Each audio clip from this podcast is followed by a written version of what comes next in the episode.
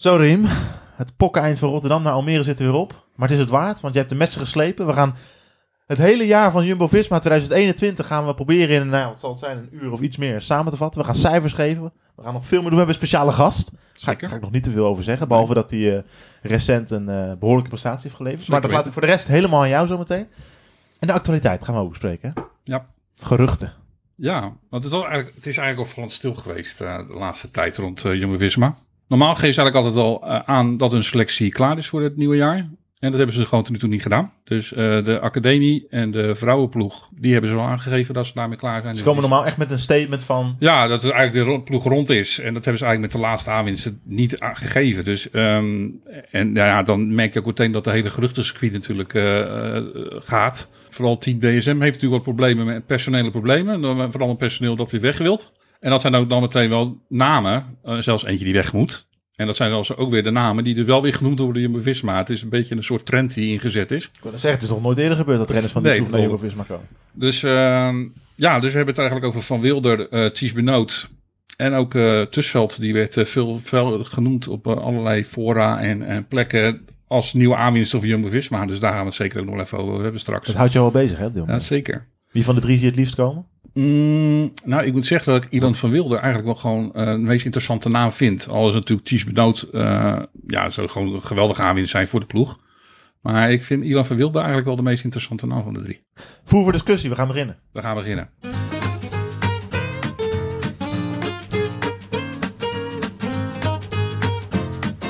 it's going to be Visma yet again, is it? Oh? Quality will out, and that team is rack full of it now. Wow, wow, Bernard.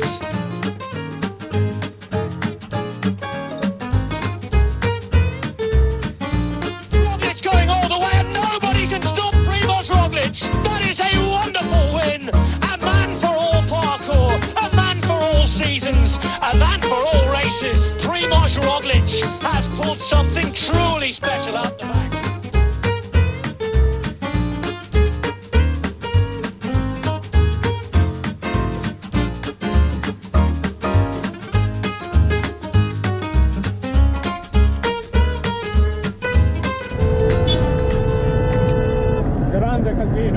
Casino. Grande casino, hè? Is Ja, goedemorgen, goedemiddag, goedenavond, goedenacht en fijn dat u luistert naar deze allesomvattende Grande Casino podcast. We gaan heel 2021 eh, samenvatten voor u, het, het 2021 van Jumbo-Visma. Dan bedoel ik, doen we met eh Raim natuurlijk, met André. Fijn dat jullie er weer zijn, mannen. En Raim, een speciale vierde gast. Take it away, wie is het? Hou ons niet langer in spanning. Ja, we hebben eigenlijk de gast, de nieuwe Nederlands kampioen eh, bij de elite zonder contract. Jarno Gemelig-Meining. Spreekt hij het goed uit, eh, Jarno? Ja, zeker, zeker. Nou, we hebben erop geoefend, hè. Dus, we, eh, hebben, we, hebben, we hebben er echt moeten trainen, want het was, het, is, het was wel een lastige achternaam als je hem ziet staan. Maar, dus ja, ik ben eigenlijk heel blij. Ik heb Jarno een, eh, een tijdje geleden ehm, benaderd. Dat was eigenlijk nog, nog voordat hij zijn titel won. Dus ook ik kan pieken op het juiste moment. nou, dat blijkt maar weer. Dus, ja. eh, en ehm, Het is toch weer onze derde Nederlandse kampioen in, in ons podcast. Ja, en, en ik hoop eerlijk gezegd ook na deze podcast dat Jarno besluit om, eh, om eigenlijk vaker bij ons langs te komen. Nou denk ik dat heel veel mensen thuis meteen zo denken, nou, wie is Jarno, gemelijk meining? Degenen die echt in het wielrennen zitten, die, die kennen hem absoluut. Eh, het is echt wel een hele goede wielrenner. Maar Jarno die heeft eh, bij een aantal, een aantal Nederlandse continentale ploegen gereden. En daar is ook de, meteen dan een link te vinden, ook op met Jumbo-Visma. Oh. En niet omdat hij bij Jumbo-Visma gefietst heeft, helaas. Eh, of bij de voorgangers. Maar hij is wel eigenlijk heel veel renners in zijn carrière tegengekomen bij Jumbo-Visma op een of andere manier. Eh, je hebt bij Van Vliet gezeten. klopt. Met ja. eh, in de ploegen erbij voor een halfjaartje volgens mij Maarten de Bakker. ja, die besloot inderdaad destijds in januari. Het eerste jaar was hij alleen maar ploegleider, volgens mij, zeg ik even uit mijn hoofd. Met zo'n hele tijd terug. Maar inderdaad, volgens mij besloot hij toen in december of januari dat hij toch nog wilde koersen. En dat hij tot aan het NK inderdaad wedstrijden ging rijden. Ja, het is natuurlijk super gaaf om, om zo'n ervaren renner eh, in ieder geval een half jaar in de ploeg te hebben. En eh, ja, het was gewoon ook een hele fijne vent. Dus eh, het was leuk om mee te maken. Dus, eh, en daarna eh, ben je naar Jo- onder andere Jo Piels gegaan. Klopt. En daar kwam je eigenlijk een, eigenlijk een hele eh, berg renners bijna tegen. die iets met het Belkin, Jumbo-Visma eh, te maken hebben eh, uit het verleden, maar ook nog op dit moment. Eh, als eerste Mark Goos en Bert-Jan Lindeman. Twee renners die we natuurlijk goed kennen van de ploeg. En de hu- een huidige ploegleider, Sidik Jan de Haan. Daar heb je mee gekoerst ook nog. eh, Ja, klopt. Die sprak ik toevallig recent nog eh, bij een criterium. Toen Oh. eh, was ik poeh, de ronde van Ermelo, zeg ik even uit mijn hoofd. En eh, toen was een van zijn renners, hij wo- woont zelf in Zwolle volgens mij, of daar in de buurt. En een van zijn renners, die, eh, die deed mee. Die, en een van de renners die die traint. En ik was eh, wezen kijken, ik zou eigenlijk meedoen, maar ik had 's ochtends of de dag ervoor zoiets dat ik mijn vaccinatie gehad. Die viel niet helemaal lekker. Dus toen dacht ik, nou, laat ik Meer mensen last van. Ik eh, ga eventjes eh, eh, kijken. En toen kwam ik hem tegen. Dus we hebben de hele tijd gesproken. En het gaat hartstikke goed met hem. Eh, hij was hartstikke positief. Eh hij heeft hem helemaal naar zijn zin daar. Dus eh, mooi. Ja, Nou, kijk, hebben we meteen weer een beetje inside dat, information. dat bedoel ik. Dus daarom zeg ik, ik denk dat het gewoon een hele grote aanwinst gaat zijn. En, en daarna ben je naar Metec gegaan, waar je eigenlijk je langste periode volgens mij gehad hebt. Ja, ik heb tussendoor natuurlijk nog in Frankrijk gezeten. Ja, daar kom ik zo nog wel op terug. Ah, daar is, ja, daar is ook ja, nog een ander linkje. Daar is nog een ander linkje mee, toen heb ik mee gevonden. Ja, klopt. Nee, daar had ik nog een Onderschat er niet hoor, want eh, Nee. Ja. Eh, Metek inderdaad, heb ik het laatste seizoen in ieder geval met, eh, met David Dekker. De- die heeft daar één seizoen gefietst. Daar ben je ook mee in het team gezeten. Twee teams, kijk, twee hij, heeft, hij heeft twee seizoenen bij, bij Metec gereden toen. En ik heb het eerste, Ja, zijn eerste ja. seizoen bij Metec heb jij hier. heb ik met hem gezeten. Ehm, en ik kan, het eerste jaar kan ik nou niet onverdeeld positief over zijn. Ehm, want toen reed hij eigenlijk niet zo heel erg goed. Eh, op Vond hij zelf ook trouwens, hè? Ja, nee, zeker. Dat, dat, dat zijn gewoon de feiten. Dat is niet, eh, ik bedoel, ik, ik eh, vind David een hartstikke, hartstikke aardige jongen. En ik heb toevallig na het NK, we zijn van de eerste die op de app stond. Dus eh, eh, goed contact mee. Maar ehm, ja, hij is wel, eh, dat eerste jaar ging heel slecht. Toen heeft hij die winter heeft hij hard gewerkt. En nou, dat kwam er gelijk uit. Want voor mij won hij dat het tweede jaar vijf, zes koersen. Ja. En volgens mij in de eerste paar weken won hij er ook gelijk al drie of zo. Dus het ging hartstikke goed. Ja, eh, hartstikke goede renner. En daarna zijn er nog een paar andere linkjes te vinden. Dat was niet omdat hij daarmee in de ploeg gereden hebt. Maar, nou ja, wel eentje. In 2013 eh, heb jij gereden in de circuit, circuit de Ardennes. Klopt. En daar zat jij bij eh, AVC Aix en Provence. Heb jij daarmee gereden met die ploeg in ieder geval? Ik eh, heb twee jaar inderdaad bij die ploeg gezeten. Ja. En eh, daar zat hij in de ploeg met Christophe Laporte. nou, Waarafwinst van Jumbo Visma. nou, Ja. Die, Ja. Heb, die heb ik toch wel even gevonden, dacht ik. eh, Zo, eh, toch? ja, dat is... eh, En eh, dus ja. Dus, maar ken je hem ook echt wel Ja, goed? ik heb twee jaar bij hem in de ploeg gezeten. Dus eh, ik eh, durf wel te zeggen dat ik hem ken, ja. En ik heb ook nu nog wel eens via Facebook of via Instagram ik nog wel eens contact met hem inderdaad. Dus eh, oh, wat lach je. ja. Dus Ja. ja, eh, ik, en dan een ander leuk feitje die ik wel vond, ehm, die vond ik wel grappig. Eh, je, je hebt best ook veel gewoon goed koersen eh, op hoog niveau gereden. Ook regelmatig met renners van, van Jumbo-Visma. En eh, in 2014, en toen reed deze renner nog niet bij Jumbo-Visma, dat moet ik wel zeggen. eh, de Ster, eh, Stedelijk Tour in de proloog eindigt deze man voor de, onze grote Wout van Aert. Oh, Ja, 2014? ja. Reed Wout van Aert toen al op de weg? Ja, ja. Toen werd eh Jarno weer 30ste in de proloog. En Wouter 32ste. Dus hij kan gewoon zeggen dat hij in de tijdrit voor Wout van Aert geëindigd is. Dat kunnen er niet veel, eh, Jarno. Nee. Nee, nee, maar ik denk dat Wout van Aert toen nog niet bij... Voor mij reed hij toen nog bij die Belgische ploeg. Ja, klopt, eh, ja. Hij deed, niet eens, hij deed nog bij, eh, niet eens bij uh. Hij deed nog bij die ploeg die ervoor, waar hij ervoor zat. Ja, Dat was echt wel heel jong. Ehm, hij werd trouwens wel gewoon, eh, eh, geloof achtste of zo, dat, eh, in de, in de sterren. Dus het was ook toen al echt wel duidelijk dat het echt wel een talent voor een renner was. zeker. Maar ik vond het wel een leuk, ik vond het wel een leuk feitje om, eh, om boven tafel te krijgen. Steek hem in mijn zak. Nou, mochten mensen zich nog afvragen wat is de link tussen Jarno en Jumbo-Visma? Remy heeft zojuist even een heel A4'tje opge opgedreund. Ik mis er nog eigenlijk eentje. Oh, Nou, de kijk. nou ben ik benieuwd. Ja, nou, nou, die iets gemist heeft. Ja, nee, we hebben, eh, ik heb twee keer samen met, eh, eh, zeg maar, voor de volharding het, NC het Nederlands Clubkampioenschap uh, ploegentijdrit gewonnen. Uh, en in die ploeg uh, zat ook uh, Jos van Ende.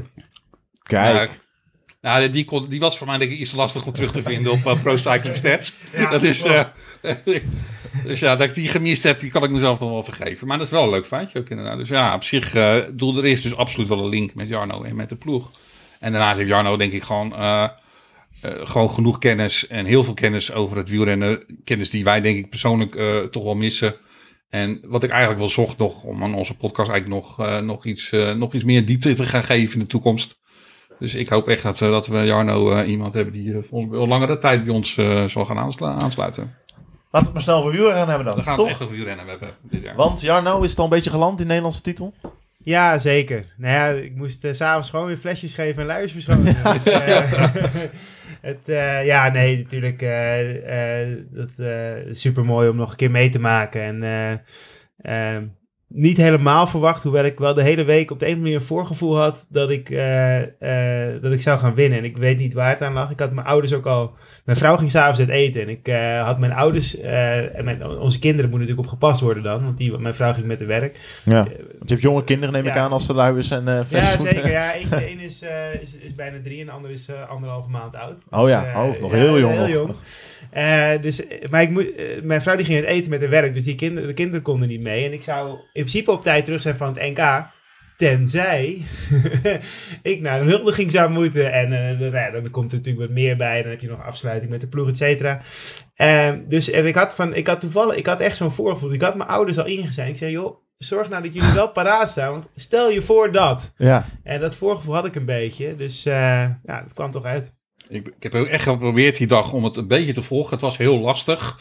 Want het was echt, ja, de livebeelden waren er sowieso natuurlijk niet. En Nee. eh, het was ook op Twitter, eh, was het eigenlijk eh, heel lastig om het te volgen. Maar het kon net wel. En eh, ja, ik kan gewoon zeggen ook dat Jarno het echt niet gestolen heeft. Want je bent heel lang in de aanval gezeten. solo En- over de streep. En daarna, toen ze dus weer teruggepakt werden, ging je weer. Ja. Dus je hebt het gewoon, ja, het is gewoon echt, gewoon echt wel een overwinning die, eh, die telt. Het is echt gewoon heel sterk. En dan solo over de streep komen, denk ik, op, op de Vanberg. Denk ik ook wel echt wel een hele mooie, denk ik. Ja. Eh, Is het je mooiste uit je, uit je carrière? daar ben ik ook benieuwd naar. Ja, kijk, een Nederlandse titel, ik vind dat heel bijzonder. Omdat je gewoon, eh, er is bijna geen sport waarbij je dan, als je Nederlands kampioen wordt, gewoon een heel jaar, of nee, in dit geval zullen het misschien negen maanden worden, maar dan dat je gewoon met zo'n rode blauwe trui aan mag rijden. En dat, is, dat zit bij geen enkele andere overwinning, zit dat erbij. Dus ja, dat is, vind ik, vind ik uniek. En eh, ondanks dat ik best wel ook andere wedstrijden gewonnen heb, wat ik mooie wedstrijden vind, dit toch wel inderdaad misschien wel het mooiste, ja. Hoe, hoe zwaar was het? Die Van Berg, keer op keer maar over. Maar dat is een van de meeste. Ik heb best wel veel reacties gekregen. Omdat ik inderdaad dus een tijd solo gereden heb. En ook de laatste 20 kilometer in mijn eentje gereden heb. En eh, daarvoor ook al de hele tijd in de aanval heb ik best wel wat reacties gekregen. Dat mensen dachten dat het eh, relatief makkelijk ging. Maar als je mijn vrouw vraagt. Ik heb gewoon daarna echt gewoon drie dagen. Ben ik gewoon echt, echt Ja. slecht van geweest. Nou, dat wil ik wel geloven. Omdat ik gewoon echt ontzettend afgezien heb. Dus, eh, het was ook niet echt fantastisch weer ook, hè? ja, het, was, het regende niet. Het was in het hele land regende het, maar daar niet. Eh, pas om eh, half zes, dus we waren net gedoucht. Ehm, maar het was niet warm. Het was gewoon wel prima koersweer, vond ik in ieder geval. En wind? Wind viel wel Nee, mee op zich. Ja, dus het ging op zich nog wel. Maar ja, het is, het is Op die Vanberg zou je toch wel meer... Het is al open daar natuurlijk, dus je voelt, je voelt bijna alles Je natuurlijk. voelt alles inderdaad. En ja, je moet eh, 20 keer. Wij moesten dan 20 rondjes daar. En eh, ja, dus Ja, 20, 20 maal 2 die Vanberg op. Eh, ja, op een gegeven moment zie je dat het gewoon. gaat, alles, gaat het beste ervan af, zeg maar. En ja, dan is het natuurlijk wel mooi dat je. Ja, ik, ik, maak echt een, ik maak hier nog even een, maar ik maak een diepe buiging voor je hoor. Ja. Ja, mooi. Jij ging op Twitter ook helemaal los, hè, Riem. Vond ik mooi om te zien. Je was helemaal, Ja. je was helemaal, helemaal trots op ons. Ja, nee, ik, natuurlijk. Ik, bedoel, ik, vind het gewoon, eh, ik vind het gewoon mooi. Ik bedoel, ehm, ik bedoel, we kunnen wel zeggen, eh, ik bedoel, het blijft natuurlijk een elitewedstrijd. Eh, het zijn gewoon allemaal hele goede renners die daar rijden. En als je dan gewoon Nederlands kampioen wordt, ja, ik vind het gewoon een topprestatie. Inderdaad, en als je dan die persoon eigenlijk, eigenlijk net hebt leren kennen. En ik vond het ook wel leuk meteen om je te volgen. En als je dan meteen zo'n prestatie, dus ja, blijkbaar eh, Goed gescout. heeft het goed gezien. ja, en heeft het, Vooruitziende blik.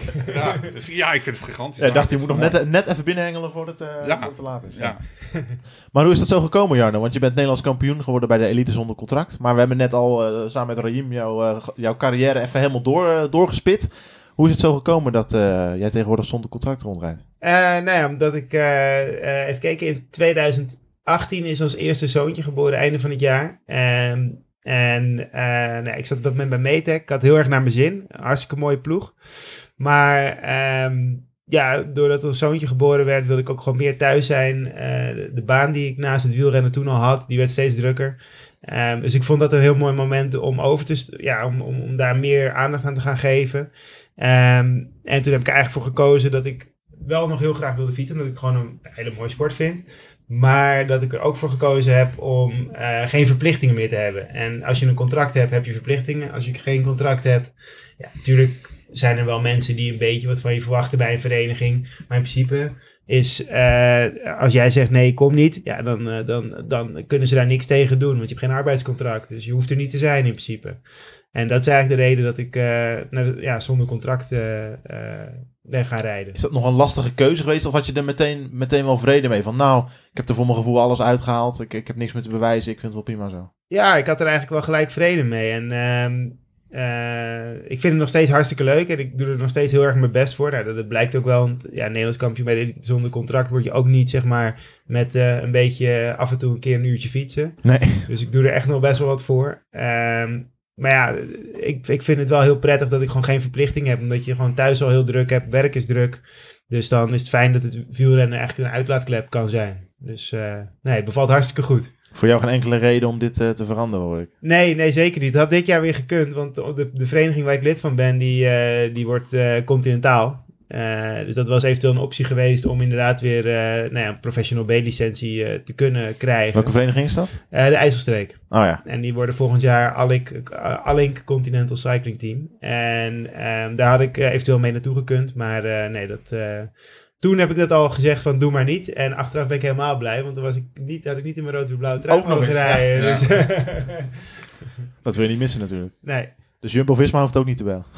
Eh, nee, nee, nou ja, nee, nee, nee, nee. Ik denk, ik, ik moet zeggen, ik heb het eigenlijk gewoon heel erg naar mijn zin op de manier zoals het nu gaat. En eh, ik ben, ik bedoel, ik ben ook al 32, niet dat ik oud ben, maar voor een wielrenner is, eh, ga je toch wel hard aan, zeg maar. En eh, ik heb het gewoon heel erg naar mijn zin zoals het nu gaat. Mijn werk is hartstikke leuk, dus ja, ik zou niet weten waarom ik nu nog eh, eh, echt ineens een hele omslag moet maken. Dus dat zou niet voor mij bedoeld zijn, denk ik. Nou ja, mooi man. Hou er zo dan, zou ik zeggen. Gaan we zeker doen. Zullen we het lekker over Jumbo-Visma gaan hebben? Het seizoen 2021, Raim. Ik ga je nu vragen om in, een, om in een paar zinnen gewoon het even helemaal samen te vatten. Ter introductie. Oeh, een paar zinnen. Ja. Dat is wel heel lastig, denk ik. Er mogen er ook iets Ehm, meer zijn. Nou, wat, wat gewoon heel opvallend is, eh, ik, denk gewoon ten eerste, kan je gewoon zeggen, dat ze gewoon een fantastisch seizoen gehad hebben. Ik bedoel, eh, je pakt eh, 43 zegers.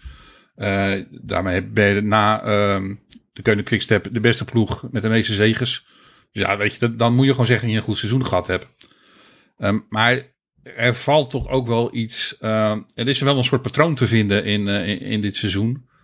En dat is eigenlijk toch dat de ploeg waar, waar ze toch echt wel hun doelen hebben gezet. En dan heb ik het vooral toch wel een beetje over Primos en over Wout. En dat die doelen dus eigenlijk continu net niet gehaald werden. En eh, dan heb je het eigenlijk toch een beetje over de, over, eigenlijk over de vijf grote ehm eendaagse wedstrijden. En eh, ja, wellicht misschien dan toch ook een beetje de Tour de France. Of vind ik dat toch wel weer dat ik denk van ja, weet je, hij wordt er gewoon uitgeknikkerd in die Tour.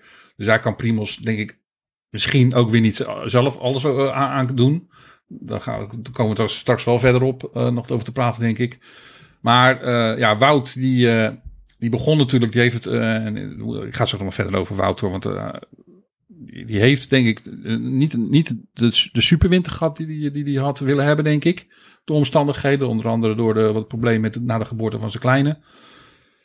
En die, ja, je ziet de trend dat hij heel vaak piekt. Dat hij echt gewoon een bepaald moment heel goed is. Vlak voordat hij eigenlijk die klassiekers moet rijden. Ja. En dan met hij die klassiekers rijdt, dan komt hij eigenlijk net tekort. Daar zal de ploeg ook zeker naar gaan kijken, denk ik, voor, de, de- voor komend jaar. Maar dat is wel een opvallend dingetje wat je eigenlijk door het hele jaar als een terugkerend iets ziet.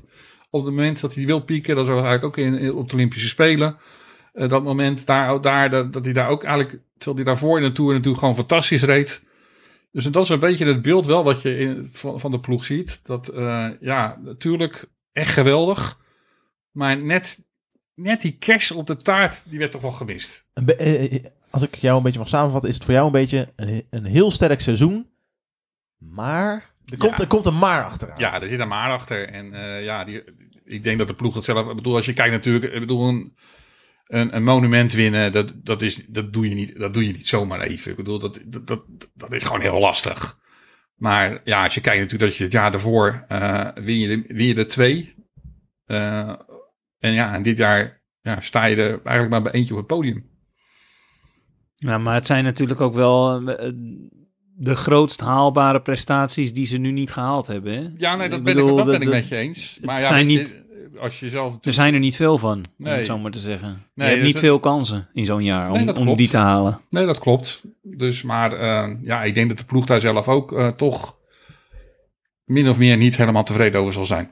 Ik denk dat ze net even iets missen inderdaad. Dat ze zeggen van, kijk, ik bedoel, laat eerlijk zijn, eh 75% van de World Tour ploegen zou dolblij zijn met, met het jaar ja, wat, zeker weten. ja. wat, wat Jumbo-Visma draait. Ik denk Maar wel Jum- 90 procent. Ja, misschien wel 90%, maar Jumbo-Visma is nou net die ploeg geworden die, eh, die doelen stelt zoals inderdaad eh eh Luik Bastenaken Luik, eh Ronde van Lombardije, nou inderdaad de Tour de France.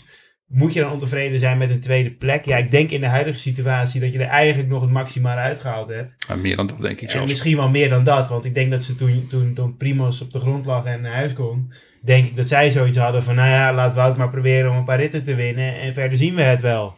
Dus in die zin is dat nog wel weer dan onverwacht. Maar ja, ze hadden, het is jammer dat ze geen van die grote doelen gehaald hebben. Nee, ik ben wel van mening dat de ploeg, ehm, en dat, dat wordt nu dus wel achteraf gezegd, ze hadden wel ook echt wel een plan om met Jonas eh, ver lang mee te gaan laten nemen in een algemeen klassement.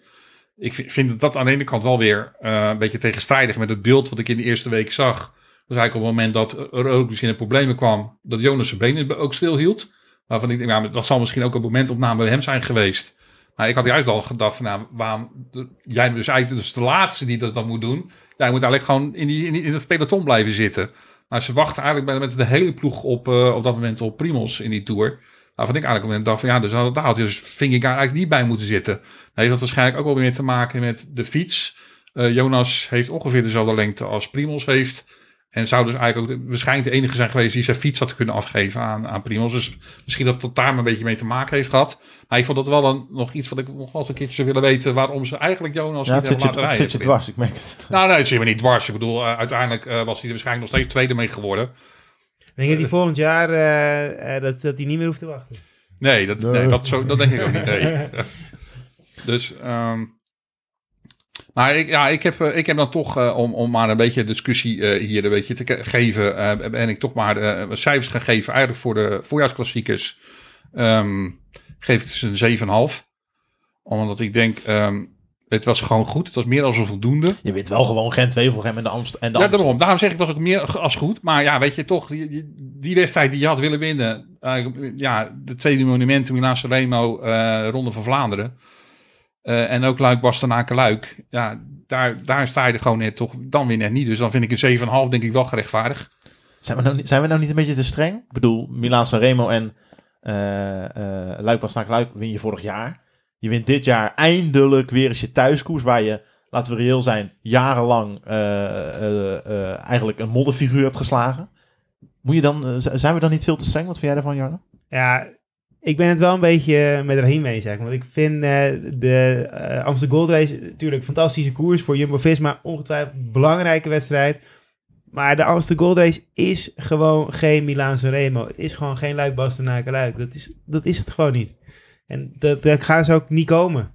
Helaas. Eh, maar dat gaat gewoon niet lukken. En, en daarom denk ik inderdaad dat je toch... Maar ik, ik ben het ook weer mee eens. Kijk, weet je, in het voorjaar is- heb je, heb je een paar kansen. Aan de andere kant, als je, als je en Gent-Wevelgem en de Amsterdam Gold Race toch nog wint...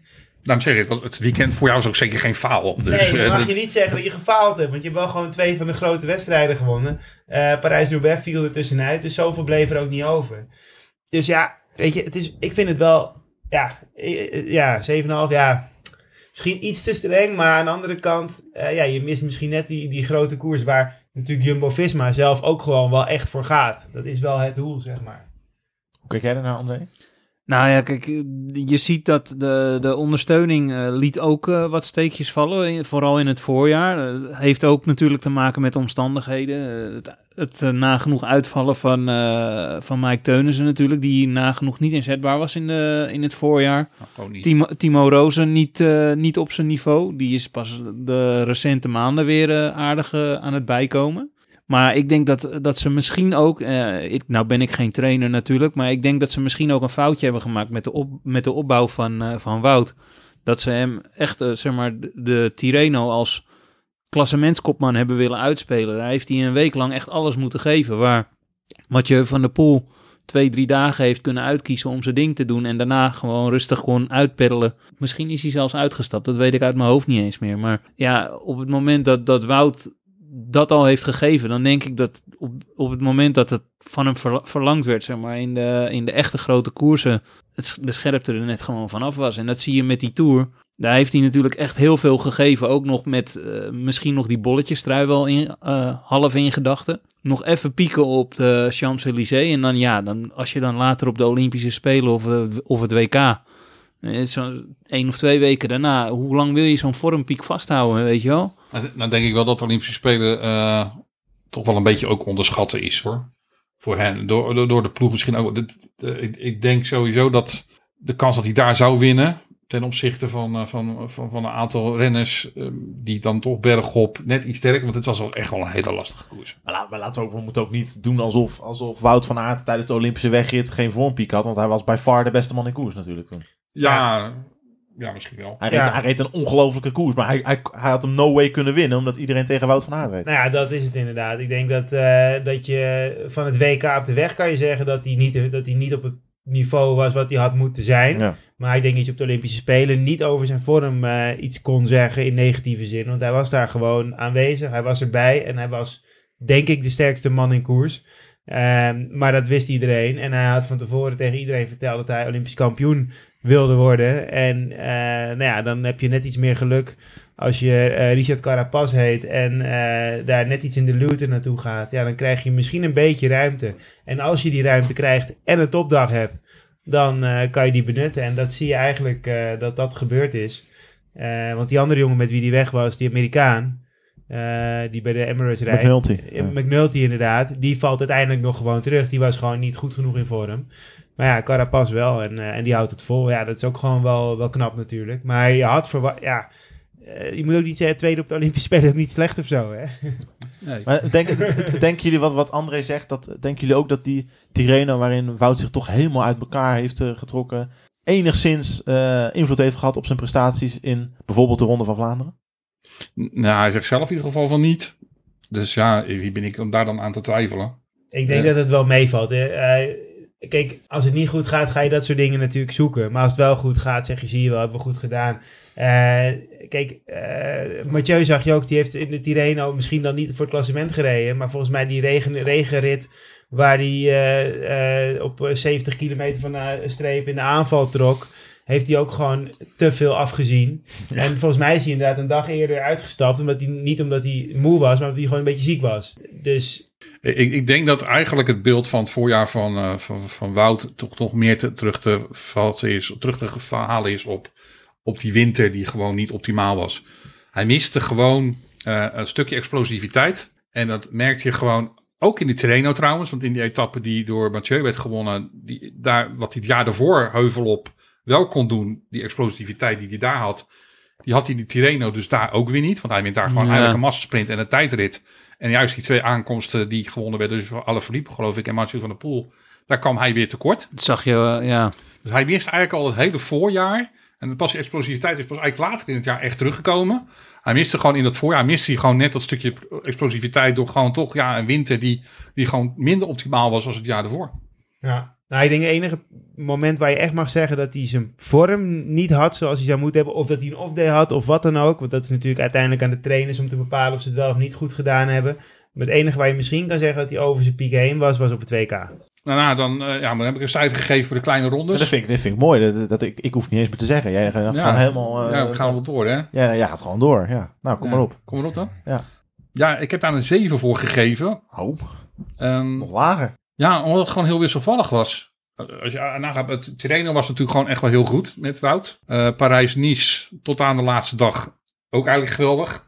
Ik bedoel, eh, ja, gaat Primos helaas eh, in de laatste etappe onderuit. Maar ja, hij, hij domineerde Parijs-Nice gewoon. Hij wint wel drie ritten volgens mij. Ja, drie dit, ja, ja. Ja, ja. zeker.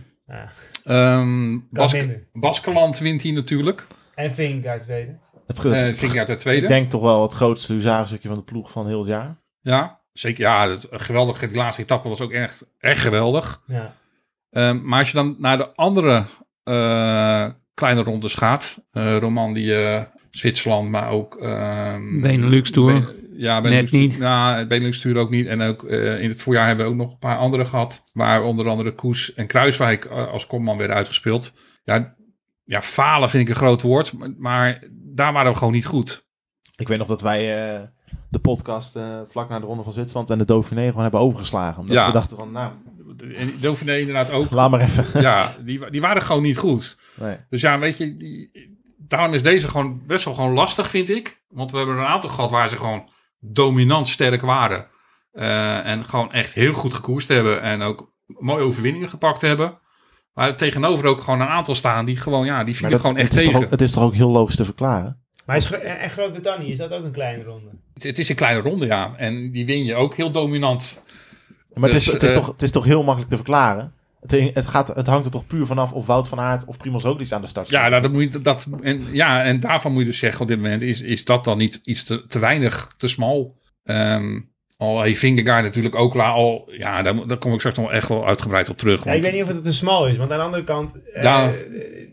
bij andere ploegen zie je ook dat, eh, bedoel, als Emirates een rondje wint, dan wie wint er dan? Ja, dat is Pogacar. Ja, die hebben ook in, in de breedte inderdaad, missen die inderdaad ook. Ja, de meeste ploegen hebben twee of drie speerpunten en die kunnen daardoor maar een paar... Kijk, je hebt natuurlijk een aantal jaar gehad dat je Sky, Sky had en wat het nu Ineos is. Die konden dan echt inderdaad naar, naar Romandie met, met, met Thomas en dan gingen ze naar andere koers weer met, met Froome. Ja. Ja, die konden dat. Maar in principe zie ik maar weinig ploegen die die capaciteit hebben. En wie weet volgend jaar als ze eh Vingegaard en Roglic gaan verdelen. Als Dumoulin weer terug op zijn niveau komt. Ja, da- daarom zeg ik, dat vader vind ik ook wel inderdaad. eh Dumoulin miste je natuurlijk gewoon wel in het voorjaar. Eh, die had je waarschijnlijk inderdaad een aantal van die rondes ook willen uitspelen. Eh, dus er waren ook wel echt wel eh, uit, eh, uitleg. Er was een uitleg te vinden waarom. Eh, Kruiswijk heeft. eh, daar ga ik nog steeds vanuit. En volgens mij heb ik dat ergens ook al bevestigd gezien. Die heeft gewoon echt wel heel lang last gehad van, eh, van zijn eh, coronavirus. Die heeft daar toch echt wel mee lang, mee lang lopen sukkelen. Ik denk het hele voorjaar, want die zagen we eigenlijk pas zo'n beetje in de Vuelta weer helemaal opleven. Ja. Ben ik bang dat, ben ik bang dat hij niet helemaal meer eh, terug gaat komen waar hij eh, geweest is. Nou ja, ik heb na de Vuelta weer een klein beetje hoop. Want ik heb daar toch wel weer een beetje de, een, een, een kruiswijk gezien die ik eigenlijk het het hele jaar ervoor gemist had. Komen we nog uitgebreid over Ik kom er uitgebreid op terug op straks. Ehm, ja, dus ja, is, is die 7 dan toch te laag? Moeten die concluderen dat het toch misschien hoger, dat het toch beter is als dat ik... Dat ik, Ik denk dat Jarno hoger wil. eh. Ja, ik vind hem wel iets hoger. Ik vind dat ze het gewoon goed... Ik, ik- als je gaat kijken, Parijs-Nice, drie overwinningen. Nou, lijkt mij hartstikke goed. Tirreno, hartstikke goede koers. Baskeland gewonnen en tweede. Ja, natuurlijk, de, de Dauphiné Romandie is dan een beetje tegengevallen. Maar dan focussen ze eigenlijk ook weer op andere dingen op dat moment. Omdat ze dan dus op dat moment eh, de goldrace winnen. Ja, ik vind dat het... eh, een- ik vind een 7... eh, mag, eh, mag een hal- half puntje of een puntje bij van mij. Nou, nou, ik ben niet het moeilijkste. Nee, daar doet er even niet moeilijk over. Nee, waar doet die moeilijk over? Ehm, André, kan je je zien in deze zienswijze? Of, eh? Ja, ja, zeker. Maar de- ik heb ook een beetje... Ja, Raheem heeft het dan over, over, eh, over Kruiswijk. Afgezien van die coronabesmetting, wa- waardoor zijn niveau misschien dit jaar wat lager is geweest. Wat had je van hem verwacht? Had hij dat niet gehad? Nee, Want maar- in, in voorgaande jaren daarvoor was ook... Kruiswijk is echt een, een man voor de, voor de drieweekse rondes. Nee, waarin hij zijn, zijn, zijn, taaiheid kan, kan benutten. Hij heeft in het jaar daarvoor, de jaar daarvoor en die afgelopen twee jaar, heeft hij ook in die kleine rondes eigenlijk best wel goed gepresteerd voor zijn doen. Ja, maar eh, zeg Dus- maar, als jij het hebt over, eh, hè, eh, je hebt twee speerpunten en daar win je, win, je, win je rondes mee en daarnaast heb je bijna niks, dan denk ik aan rondes winnen en niet aan goed presteren in rondes. Nee, oké. Snap je nou, wat ik bedoel? maar- Ja, nou, oké. Ja, Wat een van de problemen van Kruiswijk volgens mij is, is dat eh, hij verliest vrij vaak op onbenullige momenten 20 seconden, 25 seconden, 30 seconden in een eh, sprint of in een beetje lastige aankomst. En in kleine rondes pak je die niet meer terug. Ja, kijk, ik, ik, heb, ik heb het idee dat met, met sprints valt dat over het algemeen volgens mij wel mee. Vooral als, er- als er echt met een volledig peloton gefinished wordt. je mist gewoon Maar die- die explosiviteit, die, die, die, korte, die korte sprintjes bergop, waar, waar, waarin hij gewoon door de Alaphilippe van deze wereld eraf eh, wordt gereden. Ja, maar wat dit- verwacht je van hem? Het Dat zit er een- gewoon niet nee, in. het is gewoon een man van de lange, wat lange lastige beklimmingen. Daar is, dat is, Ja. daar is hij zijn element over het algemeen. Ja. Nou, en die tijd die hij verliest, die kan hij in een grote ronde deels weer terugpakken eh, Ja, op de laatste dagen. En in die kleine rondjes wordt het beslist op, nou, wat is een groot verschil in een klein rondje? Een minuut? Dan is het al Dat is een groot verschil, ja. En in de grote ronde kan het gerust 4, 5 minuten zijn. Dus dan kan je nog eens een keer wat terugpakken op zo'n eh, zo'n moment. Nu we het toch over grote rondes hebben, Raim. Ja, nou, die- ik, ik, ja ik, heb, ik heb er gewoon een 9 voor gegeven. En, Oh. ehm, omdat, het- omdat, ja, ik, dat is gewoon goed. Ik bedoel, eh, als je kijkt naar de Giro, Ja, Daar valt misschien tegen dat Ja. dan inderdaad George Bennett, die daar uitgespeeld zou worden, het niet redt. geen ritoverwinning. Nee, maar je, je, je komt wel met Vos de top 10 in. Wat Ja, ik gewoon echt een grote verrassing vind. Ik heb, ik, als ik kijk naar de jongens die ik daar heb zien rijden. eh, Vos heeft mij daar echt gewoon positief verrast. Ik vond Affini, eh, want die was in het voorjaar ziek geweest. Daar heb ik de Affini gezien en ik denk van, nou, da, daarom is hij gescout. Die reed gewoon echt een hele sterke ronde. Daar zag ik pas echt gewoon hoe sterk die jongen is. Zeker. Ehm, Koen Bouwman, die, eh, ja, die, die vond ik gewoon daar een van zijn beste koersen, zeker zijn beste grote ronde ooit reed. Ehm, dus ik vond dat vond ik een hele positieve aan de Giro. En ehm, natuurlijk eh, viel George daar tegen. Maar ja, wat had je van hem verwacht? Ja, misschien, hij zelf had, had zelf natuurlijk heel veel. Ah, Alleen, ja, eh, hij had ambi- ambitie voor eh, top 5, misschien podium. En misschien had hij maar de ambitie niet moeten uitspreken, uh, uh, vooraf, achteraf gezien. Maar ja, ik vond gewoon dat met de ploeg die je daar had, eh bedoel je, je neemt het risico door Dylan meteen vanuit eh, niets daar op te stellen. Dat- Wat gewoon een risico mee zich meeneemt, achteraf gezien. Als je ziet, de jongen moet en eh, weer terug zien te komen in een ritme, want hij komt daar zonder ritme in de Giro. Hij komt daar ook nog een keer terug op, ja, na een hele lastige periode afwagend, hoe word ik geaccepteerd in dat peloton? Ja, en al die dingen die ook die tussen zijn oren natuurlijk gaan zitten. Ja, TV speelde er ook nog wat, geloof ik. ook dat. Dus ja, weet je, dan is het toch wel lastig eh, om, om daar meteen eh, te staan, denk ik. En hij heeft zijn best gedaan, maar ja. Maar toch vind ik dan uiteindelijk dat die ronde eh, ons meer gebracht heeft als dat het eh, tegengevallen is. Als ik dan de plus en min tegen elkaar Dat vind op, ik mooi gezegd. ja, als ik de plus en min tegen elkaar afweeg, vind ik dat het meer gebracht heeft als dat het tegengevallen is. Dus daarom geef ik daar, ook- had ik daar sowieso al een dikke voldoende voor gegeven. Ja, en als je uiteindelijk Ja, gaat kijken, ja. en als je dan uiteindelijk Ja. gaat kijken naar de Tour en naar de Velta. Ja, je, bedoel, je wordt tweede in de Velta, in, in de Tour met een jongen, daar denk ik, waar we het niet van verwacht hadden vooraf. Je wint daar Vier vier, maar vier ook nog een keer vier van, denk ik, van de mooiste etappes uit de Tour. En over de Velta, ja, wat kan je over de Velta zeggen? Ja. Dat, die, die domineer je gewoon. Dus ja, dat ik vind een 9 gewoon meer dan verdiend voor. Ja, ik kan, ik kan, er, niet, ik kan er niet iets lager van gaan maken. Nee, klopt inderdaad. Ik denk dat, eh, dat de, de Vuelta is een 10 in principe. Ik bedoel, wat had je meer willen bereiken daar? Eh, en de, de Tour is eh, zeg maar met hetgeen wat je, wat je... De mogelijkheid die je op dat moment nog had... is het eigenlijk misschien ook wel een 9,5 of zo. Want ze hebben gewoon... Op het moment dat er ook iets wegviel... is het maximaal haalbare echt eruit geperst. Dus ja, zeker terecht. Ja hoor. Ja, ik kan niet anders dan me daarbij aansluiten. Nou, zijn we snel uitgepraat. Hup, najaarsklassiekers. Laatste. Ja, ik denk dat het najaar voor de ploeg toch wel het, eh, lastige perio- de lastigste periode is geweest. Bepaalde doelen waar we het net ook over gehad hebben, die uiteindelijk toch niet helemaal behaald werden. Eh, Daar deed Roglic dus eigenlijk een beetje hetzelfde. Wat, wat, is, wat we dus met Wout in het, eer- het eerste deel van het jaar gezien hebben. Ja, die was gewoon echt ontzettend goed in de Italiaanse wedstrijden voor de Ronde van Lombardije. Echt indrukwekkend goed zelfs. Ik bedoel, wat hij deed in, ehm in Emilia. Ik bedoel, de eerste keer dat hij Emilia won, vond ik het al heel erg indrukwekkend. Want dan kan hij gewoon solo, reed hij gewoon echt iedereen zoek. Maar als je nu zag wat hij deed, ik bedoel, Evenepoel komt echt heel hard eroverheen. En als je dan ziet hoe hij daar naartoe rijdt. Wow, man, ongelooflijk. Ik denk dat iedereen lopen schreeuwen onder hun moeder daar achterin. En eh, daarna was het Milan Torino, het, ik, ja, ja. die die won. Eh, ja, daar had je hier alleen al de kop Je- van... waar- waar- De kop van Jeet zegt tegen alles. Ja, ja, Daarachter. Ja. is dat zo schuddend en alles. Dat ik denk van ja, hier valt dus echt gewoon niet tegen te koersen. Ja, en dan ga je eigenlijk dus naar Lombardije toe met eigenlijk ja, met de absolute topfavoriet. En ja, en daar zakt eh, zelfs Primoz Roglic uiteindelijk toch een klein beetje door het ijs. Al moet ik zeggen dat hij daarna, want ik dacht van nou het is klaar. Ja. Die, komt, die zien we gewoon niet meer terug. Ja, en dan, dan onderschatten we dus toch wel een beetje weer Primoz Roglic zoals Primoz is. Ja, die geeft dus nooit op. En die wordt gewoon daar nog gewoon vierde. Ja, wat ik eigenlijk gewoon heel best... Toch, ja, ik had het niet meer terug zien komen. Hij die- deed hij tactisch sterk ook in de sprint, eh, inderdaad. Want eh, eh, uiteindelijk, als hij was gaan sprinten, was hij nooit vierde geworden. Maar hij Nee. deed, tactisch heel sterk, waardoor hij inderdaad die vierde plek nog pakt. Heel mooi. Maar daar zie je ook wel een beetje weer, want we, hebben het dan, we hadden het dan net over misschien te vroeg in vorm zijn. En dat zie je bij Roglic natuurlijk wel vaak terug, dat hij in het begin van de Tour heel goed is en aan het einde een beetje wegzakt. Het gebeurt hem wel vaker. Daarom wilden ze nu natuurlijk zonder voorbereidingskoers naar de Tour met hem. Ehm, Ja, dat is uiteindelijk dan ook niet goed gekomen. Dat, Nee, ja. Nee, maar, dus- maar goed, je, je- het is van, van Primoz, eh, Primoz wel bekend natuurlijk. En hij zegt het zelf ook. Hè. Hij zegt als je aan de start staat en je kunt winnen, dan moet je winnen. Ja, nee, dat, En ik- hij, hij heeft gewoon in, in dat opzicht, hij, hij heeft geen rem.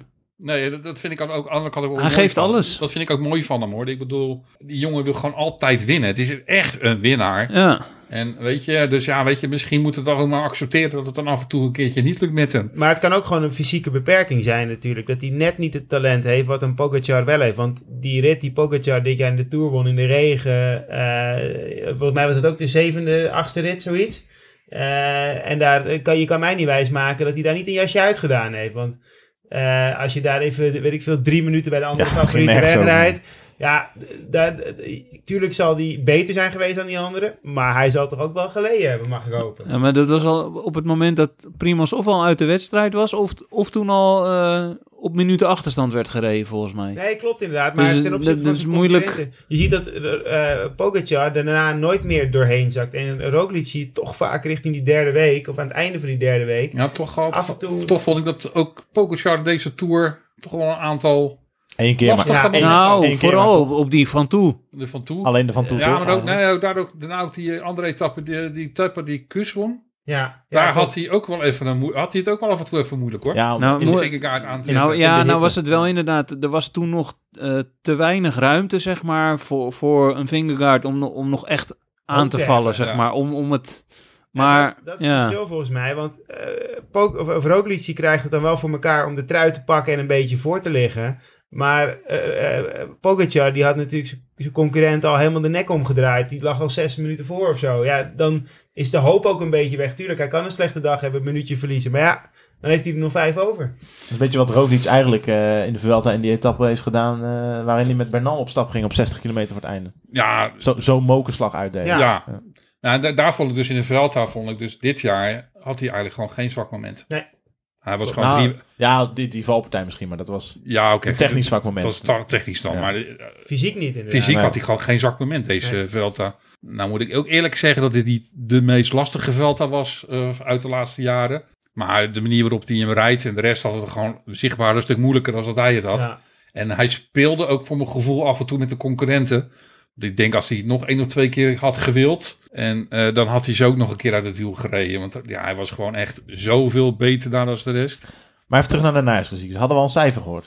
Eh, nee, volgens mij niet. En ik heb, ik heb er uiteindelijk heb ik er ook toch maar een 7,5 van gemaakt. Want ik vond hem heel lastig. Ik vind die dan, dan wel weer aan de hoge Dat kant. vind ik ook. Ja? Vind ik ook. ja. Ja, ik zou, Ja, hem ik op, vind- ik zou hem op 7 hebben gezet. Aan de andere kant, je hebt wel weer Emilia, eh, Milaan, Turijn. Ja, maar ja, aan de andere kant doe je het daarvoor. Ja, dat is eigenlijk ook die val, ja, vallen die bij najaarsklassiekers? Ja en nee. Maar de, de, de dingen waar je voor gaat, de Parijs-Roubaix, wat- de, de dingen die nog lager, de WK, dat viel eigenlijk allemaal wel toch wel tegen. Dus eigenlijk de kleine rondes iets hoger. En dus daarna is klassiekers misschien iets lager. Zou ik Ja. eh, voorstander van zijn. Ik had ook een beetje flashbacks naar 2019 hè, met Roglic. Toen die ook die twee Italiaanse voorbereidingskoersen zo oppermachtig wist te winnen. Maar ook niet, eh, niet thuis gaf in, eh, in Lombardije. Nou, en dan, ja, als je dan een, een cijfer moet geven gewoon voor het hele seizoen. Ja, dat is gewoon een vette 8, denk ik. Ja, Ik, ik bedoel, het is gewoon. eh, eh, ik moet je gewoon ruimte geven, want het kan natuurlijk nog veel beter. Het kan echt nog beter. Veel beter vind ik lastig, want het kan nog beter. Want ik vind als je de Tour wint, daarbovenop, dan zou je echt, echt een fantastisch seizoen gehad hebben. Maar, maar win je een tour, dan ga je naar de 9,5 toe. Ja, misschien. Nog bijna ongeacht wat er verder in het seizoen gebeurt. ik denk dat je qua aantallen overwinningen misschien eens zoveel beter gaat. Maar het, kan, het zou net dat je inderdaad de Vuelta, dat dat dan de Tour wordt. En dat de Amsterdam Gold Race de Ronde van Vlaanderen wordt. Dan wordt die 8 en 9 of een 9,5. Ja. Omdat je dan net die Ja. net iets mooiere koersen erbij pakt. Dus, eh, maar ik, ik heb persoonlijk wel gewoon echt enorm genoten van, van het afgelopen seizoen van Jumbo-Visma. Ik heb ze hele mooie dingen zien doen. Ik heb echt hele mooie wedstrijden, ook echt hele mooie overwinningen gezien. Waar ik echt van genoten heb. Ehm, ik, ik, ik ben in ieder geval heel blij met, eh, met de terugkomst van, van Dylan. En ik hoop dat die ehm, volgend jaar gewoon weer terug kan zijn op het niveau wat hij wat hij had. Want dat is wel het verhaal van dit seizoen. Je miste natuurlijk een paar van je kopmannen. Eh, die waren dit jaar gewoon eh, of deels niet inzetbaar. En ja, dat, is natuurlijk, dat scheelt natuurlijk ook nog wel weer slok op de borrel, ook, ook qua overwinningen. Dylan scheelt, als het goed is normaal gesproken, zou die een paar meer moeten kunnen. Ja, dus je zou zou er zo, zeker zo'n tien overwinningen in een jaar meer gehad hebben, denk ik, met, een- met een Dylan van, van twee jaar terug.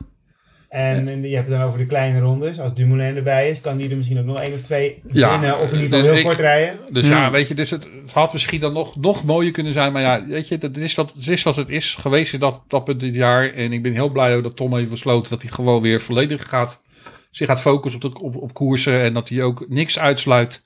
Ook geen grote rondes, ook geen klassement in de grote rondes. Dus eh, ja, ik hoop volgend jaar gewoon weer dat we gewoon weer de Tom zien van, eh, van een paar jaar terug. Ja, de- we, hebben in ieder geval dit jaar tekenen gezien die hoop bieden voor, Zeker. voor volgend Ik- jaar. Ja, ik vond hem, eh, ik vond hem onder andere in, inderdaad in eh, de Benelux Tour vond ik hem alweer. eh ja. daar heb ik dingen gezien. Ja, dacht van, ah, maar ook niet alleen eh, qua de, de, de kopmannen, maar ook gewoon de ondersteunende renners. Er zijn er echt wel een aantal die mij ja, heel erg eh, positief verrast hebben. Mooi bruggetje, André. Want, want we gaan wat leuks doen. Eh, als al, eh, de, als al daar misschien anders over denken. Maar dit geheel terzijde.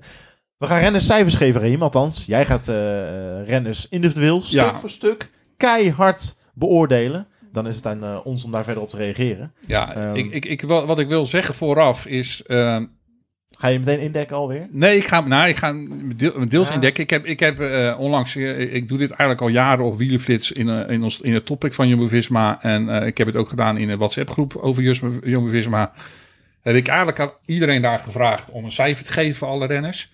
Ik denk als ik hem puur zelf had gegeven, dat ik, dat ik waarschijnlijk hoger was uitgekomen bij verschillende renners. Maar ik ben eigenlijk een beetje afgegaan op, op het, ge- beetje het gemiddelde beeld wat, wat er is ontstaan eh, vanuit de supporters gezien. Ehm, eh, over, de, over de renners, met wel een stukje onderbouwing van mijn kant af. Eh, ik, ik denk niet dat we alle renners eh, stuk voor stuk moeten gaan bespreken. Maar ik denk dat we er een aantal zullen gaan uitpakken. We hebben een aantal hebben eigenlijk al, ook al voorbij zien komen. Ehm, Ga je op alfabetische volgorde doen? Of, van ja, ze gaan op, ja, ze gaan op alfabetische- staan bij mij op alfabetische volgorde. Dus we gaan Eduardo Affini. Affini, ik heb eigenlijk ben ik uitgekomen op een 7. Eh, hij is inderdaad dit seizoen dus gewoon wissel, wat wisselvallig begonnen. Mede door zijn bronchitis. Maar daarna, ja, hij is de taak gewoon fantastisch gedaan. En Bijna Hij heeft later-. Ja, nou, dat, dat, die beelden zag ik toevallig vandaag nog een keertje Ja. voorbij komen op Twitter. Ja. Ja, dat was dat, nog heel close. 70, 70 per uur naar de finish. Ja, dus, maar we hebben in ieder geval gezien dat deze jongen ontzettend veel kwaliteit heeft. En, dan gaan we, en hij is nog ontzettend jong, dus hier gaan we de komende jaren echt nog wel meer plezier van hebben. George Bennett eh, gaat ons verlaten. Ik heb hem een 6 gegeven. Omdat ik hem gewoon, ja, in vergelijking met vorig jaar, met 2020, vond ik hem gewoon echt een heel stuk minder. Eigenlijk bijna onzichtbaar zo'n beetje, zoals in, in het hele jaar door. Hij heeft ook relatief weinig koersen gereden, vond ik. Hij eigenlijk alleen het, in zijn eigen, eigen land, eh, het kampioenschap, is Ja. eigenlijk gewoon, heeft hij gewoon echt gepiekt. En eigenlijk de rest van het jaar was het gewoon ja, vrij En die vlak. vorm van vorig jaar, waarin die tweede werd in Lombardije, daar is hij echt niet bij in de buurt gekomen. Nee, nee, absoluut niet. Dus Ja, ja, Ik denk dat hij ook een beetje voor een knechtenrol aan het kiezen is, zo langzamerhand. ja, en ik denk dat hij daar ook echt dat hij daar voor, bij UE. Ik denk dat die, dat, dat, dat die Ja. overstap dat wel bevestigt. Ja, Ja. Dat, dat denk ik wel, ja. Ehm, Koen Bouwman, een 7,5. Eh, Omdat hij gewoon eh, dit jaar een ontwikkeling heeft laten zien. Eh, hij heeft, denk ik, heel terecht de keuze gemaakt door zich meer te gaan richten op het clipwerk. Minder. hij was natuurlijk ook in tijdritten was hij. Het was meer toch wel een jongen die overal wat goed in was. Maar nooit echt, echt iets waar hij echt top in was. Nou, hij heeft nu zelf besloten om gewoon ja, wat kilootjes afgevallen. Om echt zich helemaal te richten op het klimwerk. Daarin te gaan knechten, daarin goed te worden. Nou, en dat heeft hij dit jaar denk ik absoluut laten zien. Zeker in de Giro. Dus ja. Ehm, David Dekker. ehm, vond ik lastig te beoordelen. Omdat hij gewoon het seizoen wel goed begon in de UE Tour. Eh, hij, het is natuurlijk gewoon lastig. Want deze jongen is eigenlijk gewoon meteen in de diepe gegooid. Omdat door het wegvallen van Mike. Is, hij, is zijn programma aan het begin van het seizoen meteen omgegooid. En ja, de- ja ik heb hem een 6,5 gegeven. Maar ik denk dat David eh, de komende jaren Komt er wel. komt er wel. Het is wel een jongen die, waar gewoon heel veel talent in zit. Eh, hij is explosief. En ik denk dat hij, dat, dat hij gewoon zijn eerste jaar in zo'n grote wild, in zo'n wildtoer is altijd, altijd lastig. Altijd wennen. En ik denk dat hij eh, ja, gaat van de winter een goede winter draaien. Dus hij staat er gewoon volgend jaar inderdaad even wennen aan al het nieuwe, nieuwe dingen die bij een grote ploeg komen kijken. En dan eh, komt het helemaal goed. En wat vind jij van zijn eerste jaar, Jarno? Had je meer van hem verwacht? Of, of moeten we helemaal niet meer van hem verwachten dan, wat, eh, dan dit? Ja, het is moeilijk. Eh sommigen die, die zie je overkomen en die doen dan gelijk nog een stap erbij. Dan is het gelijk een groot succes. Eh, ik denk dat hij toen hij binnenkwam, de UAE-tour gelijk, dat je dacht, zo, Ja, dat was... prettige was Ja. zeg maar. Ehm, Daarna heeft hij misschien wat wisselvallig gepresteerd. Maar ja, ik denk dat hij, eh, dat hij gewoon ook een beetje moet wennen aan het hele nieuwe ritme en alle zaken. En ja, najaar dan nog pech gehad, hand gebroken. Ja, daar was hij baalde hij van, want hij was toen heel goed, zei dat hij. is Hè? goed inderdaad. Dus weet je, dat, dat, dat kan een keertje tegenvallen enigszins. Maar daar, hoef je geen zorgen om te maken. Het is gewoon een talentvolle renner en eh, komt helemaal goed. Nou, houden we je aan. Ehm, de volgende was Tom Dumoulin. Ik heb eh, heel veel mensen tegengekomen die hem geen ineens een cijfer had gegeven. Omdat ze zeiden, ja, die is gewoon te kort gekoerst dit jaar. Nou, dat vond ik dus gewoon, ja, dat wilde ik niet. En ik, ik, heb, zelfs, ik heb hem zelfs een 7,5 gegeven. Omdat hij eigenlijk, van dat, wat, wat ik vond was, op het moment dat hij weer terug was, was hij ook meteen wel weer echt op een enorm hoog niveau. En ehm, ja, uiteindelijk als je dan toch ook eh, tweede, eh, tweede eh, op de Olympische tijdrit... Wat een Als je daar gewoon zo kan presteren. En ja, dat, het blijft natuurlijk gewoon verbazingwekkend dat daar gewoon de nummers 1, 2 en 3 komend jaar bij Jumbo Visma rijden. Je hebt gewoon de, de nummers 1, 2, het podium van de, van de Olympische Spelen volgend jaar in één ploeg. Ja. Nou, dat is bizar. Maar daar, daar heeft Tom gewoon goed gedaan. En daarna ook in de koersen die hij heeft gereden. De Benelux Tour vond ik hem heel sterk koersen. Ehm, dus ja, weet je, ik vond een 7,5 vond ik gewoon meer, vond ik gewoon wel, ja, ook als opstekertje naar hem toe denk ik, ik vond dat echt wel waard. Ik vond het ook, ik denk niet dat ik hem daarmee eh, tekort doe. Wat hij gedaan heeft, heeft hij goed gedaan. Ja. het zien. En het was iets, hij heeft iets minder gedaan dan je in een normaal seizoen doet. Maar goed, eh, Hij mist, het, je mist natuurlijk ook wel een stukje koersritme. En ja, dat, dat is natuurlijk wel lastig. ja, een beetje pech nog ook weer met aan het einde van het jaar dat hij die breuk had. Ja, ook dat. Komt ook volgend jaar weer goed. Eh, Pascal Eenkorn, een 7. Ehm, een betrouwbare renner. Maar ik, hij, ja, ik vind wel dat hij volgend jaar wel weer een stapje... Hij wint natuurlijk nog wel een koers ook dit jaar. Hij staat wel een, blijkt een, lijkt een beetje stil te staan in zijn ontwikkeling op dit moment. Ehm, maar ja, weet je, een jongen ook pas vier- nog steeds 24 pas. Hè, dus, eh, dus ja, er is nog wel ruimte. Maar ja, het, het, het zou volgend jaar wil ik toch, hoop ik toch wel dat, we, dat hij dat stapje, nu een, volgend stapje gaat maken. Ja, het is moeilijk te beoordelen in zo'n grote ploeg. Want het kan ook best wel zijn dat hij al zo langzamerhand eh gewoon de knechtenrol ingaat. Ja, En dan win je niet zoveel meer. Maar dan moet je wel een belang- bepaalde waarde hebben. Dus ik, het zou me niet verbazen dat hij die kant op gaat. En ja, hoe ga je dat omkeren? Als je dat zou willen. Hè? Ik bedoel, goede knecht zijn is ook niks mis mee. Maar ja, als je het leuk vindt om voor de winst te rijden, dan, eh, dan gaat dat wel weg. Nee, maar ik, ik denk dat, dat wat Rahim ook bedoelt is de voorjaarsklassiekers. Dat, die, Ja. dat wij hadden verwacht eigenlijk dat hij daarin iets langer mee had gekund. Dat zeg hij, maar. dat hij meer meer- de finale in had kunnen gaan. Meer dat kunnen doen voor eh, Ja. Ja, nee, dat viel wel. Die hoop hadden wij althans na vorig jaar. Snap ik. Snap ik. Ja. Ja, een beetje meer worden. Ja, ja, Tobias Vos. Ja, ik vond het toch wel een van de verrassingen van dit jaar. Eh, het, beeld wat, wat, ik, wat ik kreeg was 7,5. Ik, ik had hem misschien, dat vind ik, is dat zelfs nog iets te laag. En nog een beetje meer mogen. Het had misschien wel een 8 mogen zijn. Ja, het is wel natuurlijk alleen de Giro en het Noors kampioenschap. Ja, natuurlijk. Hij heeft, eh, de- Zeg met alle respect, hij heeft, hij heeft uiteraard. niet, het, hij heeft niet Maar- het hele jaar lang door Nee. kunnen pieken. Hij heeft echt onze momenten eh, ge- gepakt.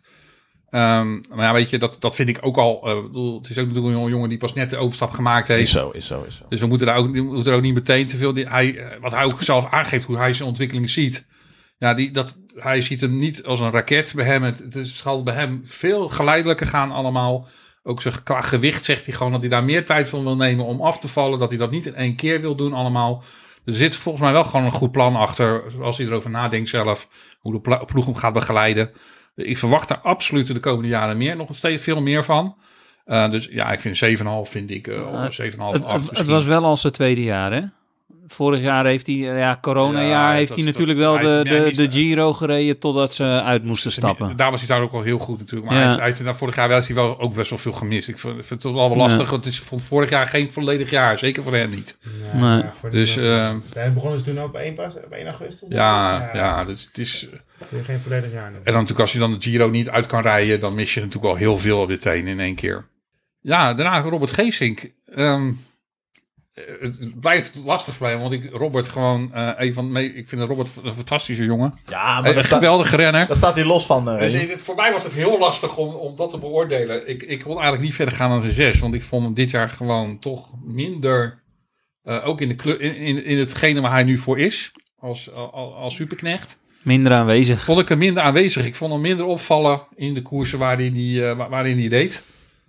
Ehm, dus ja, hij kan zeker gewoon nog veel beter, denk ik. Wederom niet bespaard geweest, eh, gebleven van pech. natuurlijk. Helaas niet. Nee, ja. Eh, Maar ja, dat, eh hey, Eh, het gebeurt niet vaak dat hij bespaard wordt gele- is gebleven voor pech. Dus het is soms ook een beetje op een gegeven moment dat je zegt, van, ja, zit hij daar niet zelf een beetje, eh, ja, ik bedoel, het is wel heel veel pech om het dan pech te noemen. Ja, nee, ja, maar dat, dat, daar heb je er een paar van natuurlijk. Met ook een Wilco Kelderman bijvoorbeeld. Ja, waarvan Ja, je dan af gaat vragen van, ja, jongen, ja. Maar nu, nu, dan. nu, nu, nu bij, Ze hebben in ieder geval, in ieder geval de... maar bij Geesink nu, die, die valpartij in de, in de Tour, dat is hetzelfde als wat hij toen ergens in 2009, 2010 of zo in, in de Vuelta had. Iemand die voor hem op zijn snuffert Hij- hij gaat en hij, hij- kan het niet meer ontwijken. Ja, de is het dan jouw schuld? Hij, laat zeggen, hij heeft net zoals eh, als ook wel Wilco heeft de, de, de kunst om altijd op de verkeerde plek te zitten. Ja, het punt is, kijk, je, je kan iemand voor je vallen, maar de- de- de- er zijn ook andere renners die dan niet uit koers vallen, zeg maar. En hij vaak Hij is, wel. hij is wel, veel, hij is wel heel Ja, snel maar- breekbaar. Dat, maar- Dan, dat- heb, je, dan heb jij het over, eh, over jongens die zeg maar technisch heel kundig zijn, zoals een Peter Nee, dat Sagan, nee, Mathieu van der ik- Poel. ik- En, nee, eh, want Robert is ook heel technisch.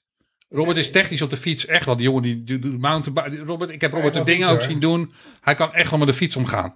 Ik denk dat Robert gewoon alleen makkelijk breekt. Ja. Ik denk dat, dat hebben, sommige renners hebben dat. Die breken gewoon sneller iets als een ander. het Als zit je- misschien ook in die je bouw. Als je die Ja. valpartij terugziet van Mathieu van der Poel in de Ronde van Vlaanderen van... blub, voor- 2019. Ja, Ja, 2019 dat hij over die, die, door die put Ja. heen reed. Ja. Nou, ik weet zeker dat als dat Robert Geesink was gebeurd, dan eh, had hij drie botten gebroken, minstens. Ja. Het, heeft, natuurlijk ook gewoon met, natuurlijk ook met je fysieke bouw te maken. Ik bedoel, als een Affini valt of een Geesing valt, dan zal er absoluut verschil in zitten met de gevolgen. Maar er zit, gewoon meer, er zit ook gewoon meer spiermassa op, op een eh, Ja. Van der Poel, op een Affini. Dus Ja. die jongens hebben gewoon meer, meer wat, wat voor, voordat het bot komt, zeg maar. Ja. Het, is ook geen, het is ook denk ik geen verwijt naar Robert toe. Zo- Nee, nee, nee, Nee, nee, maar zo moet je het ook niet zien. Dus, Sowieso eh, zie je dat klassementsrenners in het algemeen, als ze Breekbaarder zijn. Ja, ja. Dylan. Eh, ja, ik heb, hem- ik heb hem een 6,5 gegeven. Eh, hij, hij pakt natuurlijk wel hier en daar nog een zegen mee. Ehm, maar ja, hij heeft, had Het is- het is nog zeker, niet de oude. Het is zeker nog niet de oude Dylan. En eh, had, het is natuurlijk gewoon lastig. Je komt terug in zo'n peloton na zo'n ongelooflijk zware periode. Ehm, er zal echt, en ik bedoel, tuurlijk, eh, we hebben er al lang genoeg over gehad wat, dat, dat hij daarin, eh, wat, wat daar allemaal in gebeurd is. Maar ehm, ja, weet je, als je dan terug moet komen en dan voor alles wat je naar je kop ge- geslingerd hebt gekregen, en ik dan nog niet eens vanuit de peloton, maar vooral vanuit de, de zogenaamde wielervolgers. Dan denk ik mezelf van, ja, weet je, dat, dat gaat niet in je koude kleren zitten. Dat heeft gewoon zijn tijd nodig, denk ik, om dat weer allemaal een plekje te geven. En ook in het peloton weer durf te hebben om gewoon overal in te duiken. Uh, heeft hij daar ook wel momenten gezien dat ik dacht van, nee, momenten gezien dat ik dacht van, hé, dit is weer de oude Dylan. Ehm, dus ik hoop gewoon, en nu met een goede zomer, dat hij de een goede winter, dat hij er volgend jaar gewoon weer staat. Wat denk jij, Janne? Eh, ja, ik hoop dat eh, na de succesvolle Vuelta van, van Fabio Jacobs, dat zijn eh, kopzorgen een beetje weg zijn met het oog op de toekomst. Eh, en dat dat hem waarschijnlijk heel makkelijk... Tenminste, ik ga ervan uit dat, dat de Vuelta van Fabio Jacobsen hem zou kunnen helpen om alles achter zich te laten. Ehm, omdat de toekomst van Fabio Jacobsen er nu ook gewoon weer goed uitziet. En ik denk dat dat wel een van de dingen was die in zijn hoofd is blijven spelen. Van hoe ziet de toekomst van Fabio eruit? Nou, dat ziet er gewoon goed uit. Dus hij kan ook weer gewoon eh, dat los gaan laten en, eh, en ervoor gaan. Nou, Chris Harper, mm, zesje, zes en een half, eh, begon goed in de UE-tour dit jaar. Echt heel goed. Maar hij kreeg een lastige blessure waar hij door de, toch wel de tweede gedeelte van het jaar gewoon, ja, was gewoon minder. Ehm, komt wel goed weer, denk ik, volgend jaar. Hij heeft nog een contract, dus hij mag het volgend jaar laten zien. Eh, nou, daar gaan we. Als dit geen team wordt. Nee, Oh. nee, eh, nee, nee, nee. nee. Le- Lennart heeft gewoon, Lennart Hofstede heeft gewoon, eh, ja, ik vond gewoon... Ja, dat is, een- dat, dat is uh, Jarno die zit me heel verbaasd Ja, aan te kijken, maar dat is, dat is Raheem's oogappeltje. Eh, Ik dacht hij heeft het over Vingegaard of Nee, over uh, nee, nee. of zo. Maar Nou ja, dit- Van, Ze hebben- van, ze hebben- van ze Lennart Hofstede heeft Raheem eh, al vaker gezegd, die man moet je een contract voor het leven geven. Ik vind, ik vind een renner als Lennart Hofstede vind gewoon ontzettend belangrijk voor een ploeg. ja. Omdat het een renner is die eh, op heel veel vlakken inzetbaar is. Hij kan eh, normaal klimmend, kan hij vrij lang mee, goed mee. Ehm, hij kan op het vlakke heb je gewoon heel veel aan hem. Dus het is gewoon een multifunctionele renner als knecht. Die zich altijd wegcijfert voor een ploeg. En in, daarom heb ik toen de tijd gezegd, deze jongen moet je een contract voor het, verleden, voor het leven geven. Want dat soort jongens zijn onbetaalbaar. En zijn juist ook bij andere ploegen gewild. Want ja, daarvan, de meeste hebben gewoon altijd eigen ambities. Ja, Lennart, die, ja, die, wil gewoon, die wil gewoon knechten. En, en kan het gewoon heel goed. En ook op verschillende plekken. Dus daarom ja, Daarom heeft Lennart bij mij door hun ook wel een bepaald plekje gekregen. Nou, niet door ons, dat heb je Nou, gewoon ja. zelf gecreëerd. Dat heb ik zelf gecreëerd. Maar Prima. wat is het cijfer? Eh, een 6. Omdat ik hem dit Oh. jaar gewoon, ik vond hem dit jaar gewoon echt minder als wat hij vorig jaar was. Dus eh, ja, een beetje, ik moet ook gewoon, dan ben ik ook Kritisch. streng. Kritisch, Ik ben streng. Ja. Eh, ja, ik, ik vond hem, vond hem bergop, vond ik hem dit jaar minder als, eh, als de afgelopen jaren. Ik denk ook dat wij Jumbo-Visma langzamerhand zulke soort renners, eh, als ze echt knecht willen worden bergop, dat ze veel langer mee moeten kunnen. Dat je gewoon echt als knecht bergop gewoon, als er nog twintig man over zijn, moeten dat soort jongens er ook gewoon nog bij zitten. Ja. Dat hebben ze gewoon nodig. Wat ik, wat, wat ik heel erg, juist heel erg opvallend vond, eh, vooral in de Veldra dit jaar, dat Van Hooijdonk bergop dus gewoon langer meeging als als Lennart meeging.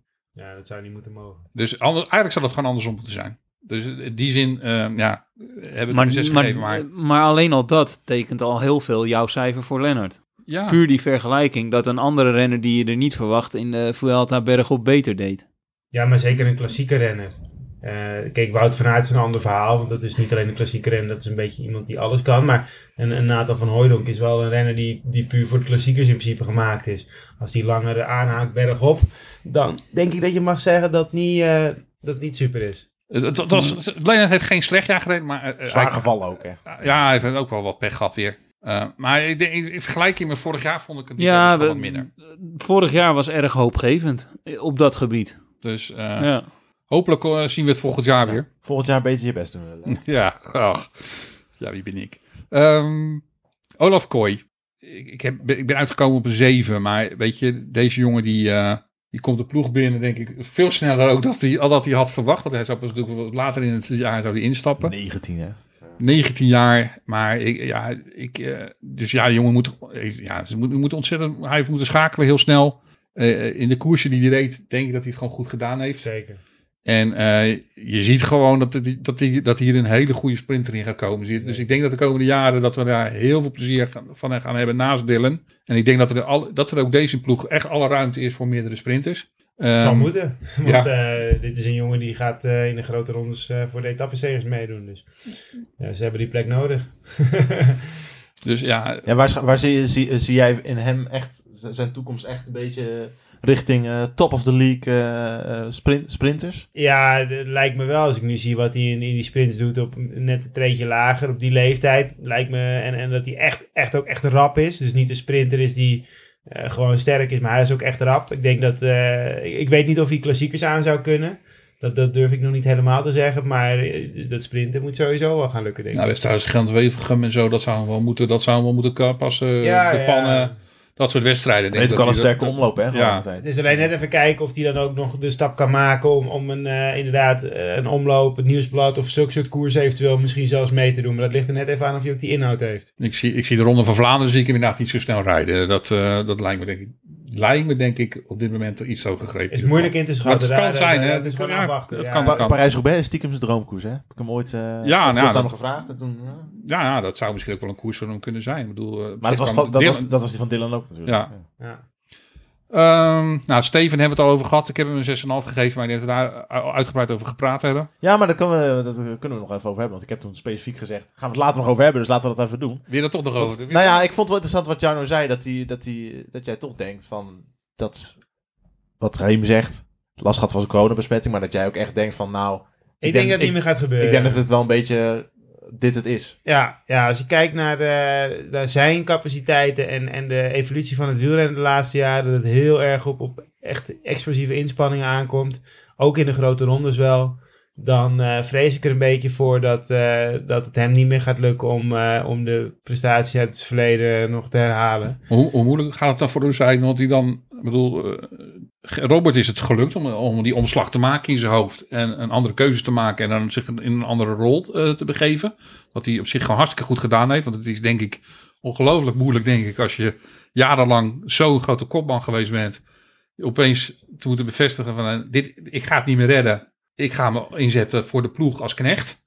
Hoe denk je, zal het voor Steven net zo makkelijk of zal het voor hem gewoon een stuk moeilijker worden, denk je? Ja, het lijkt mij sowieso heel lastig in zo'n situatie als je op het podium in de Tour gestaan hebt om op een gegeven moment te moeten zeggen, ja, ik ga op kop rijden voor een ander. Eh, maar aan de andere kant, eh, ja, als hij het fietsen leuk vindt en hij vindt het gewoon leuk om wielrenner te zijn, Ja, dan, dan is dat de enige keuze die hij heeft. Want eh, Ja. ja, dan, dan is het of... Want de kopman wordt hij of, of, of voor een kleinere ploeg kiezen.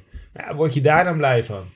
Eh, dat is dan weer de andere kant. Kijk, en nu zit hij wel bij een hele succesvolle ploeg. Eh, als hij voor een kleinere ploeg kiest en het dan ook niet redt, dan zit hij bij een kleinere ploeg en dan wint er helemaal niemand. Nu wint er in ieder geval nog een ploeggenoot. Ja, Ja. en dan zal het misschien ook nog een beetje te maken hebben met hoeveel centjes hij ervoor betaald krijgt. Nou, ik, ik zeg het, ik vond hem dus gewoon de, in de Velta, want hij werd uiteindelijk volgens mij zelfs nog twaalfde of zo in de. Velta. Ja. Ja.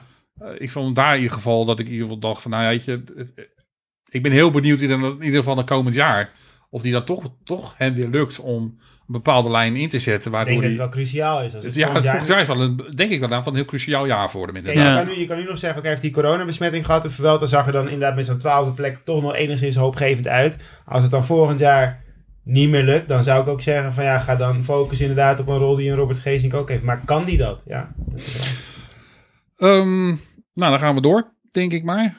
Ehm Sepp Koes. Ja, 7,5. Ehm gewoon als knecht gewoon een fantastisch goed jaar gedraaid. Blijft, Iets- het, blijft. Blijft, hij is wel het- het- heel dat erg is, eh, wisselvallig, Het blijft inderdaad. te wisselvallig. Dat heb ik inderdaad ook hier neergezet. Dat het, eh, het, het- het- ja, je ziet gewoon dat het piek en dalen heeft. Maar hij wint toch een rit in de Tour en een rit in de Vuelta? Nee, Ja. alleen de Tour. Alleen de Tour. de Tour. Ja, nee, maar, maar ook gewoon, eh, weet je, eh, er wordt nu, na, nadat hij vorig jaar natuurlijk heel goed was, bergop in de Tour, werd hem een beetje gezegd van, joh, eh, we gaan kijken hoe ver die kan komen. Hè? Om te beginnen in kleine rondjes, om, om ook als, als klassementskopman een beetje eh, te zien wat zijn mogelijkheden zijn. Maar ook als, als knecht in, in, in de bergen vind ik hem te wisselvallig dit jaar. Ja. Hij heeft dan weliswaar een, een rit gewo- gewonnen in de Tour, maar verder vond ik hem niet van het niveau wat hij het voorgaande jaar had. Ik vond hem in de Tour inderdaad. eh, hij heeft in de Tour heeft hij vooral de laatste paar etappes waar hij met Vingegaard, eh, die, die etappes die, die eh, de gewonnen werden door de Pogacar, daar vond ik hem heel sterk rijden weer. Terwijl hij aan het begin van de Tour inderdaad wat, wat min- minder zichtbaar was. Ja, En ook in de Vuelta heeft hij inderdaad eh bergop etappes gehad waar hij gewoon echt geweldig reed. Uiteindelijk, eh, hij rijdt gewoon top 10 in de Vuelta. Dus het- dat, dat is gewoon best wel goed.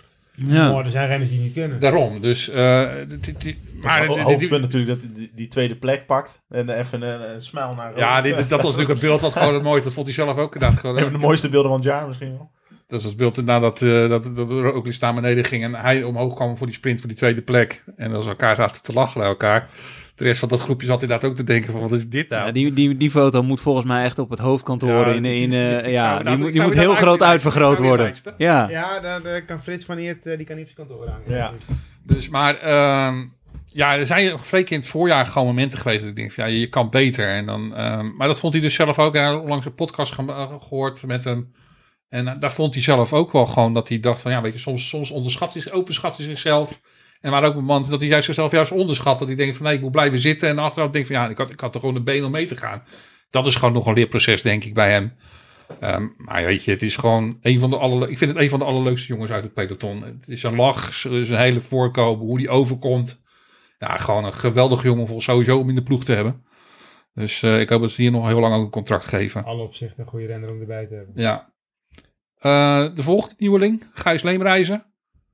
Ehm, ja, ik, ja, die jongen is gewoon aan het ontdekken wat het voor hem is om, om, om, om een, eh, om een, kla- klassementsrenner misschien te, zelfs wel te worden. ja maar ja, wat... Weet je, ik, ik, ik zit me... Ik, elke keer als ik, als ik denk aan Gijs Leemreizen, dan denk ik aan het feit dat hij, volgens mij was het twee jaar terug nog, op, op clubniveau rondreed. Ja, En dan heeft hij, heeft hij één jaar bij de, bij de Academy gereden en, en toen de overstap gemaakt naar de profs. En eh, ja, dit jaar heeft hij gewoon ook op momenten laten zien dat, er- dat er gewoon echt heel veel in zit. Ook, eh, het hadden wat kleinere koersen, maar eh, ja, zoals die bijvoorbeeld de prof, wat het prof, even kijken welke de koers, in, ergens een koers die Frankrijk, de jong, eh, onder 23 koers. Door, door de Lizard. Toen, ja, toen Ja. ja.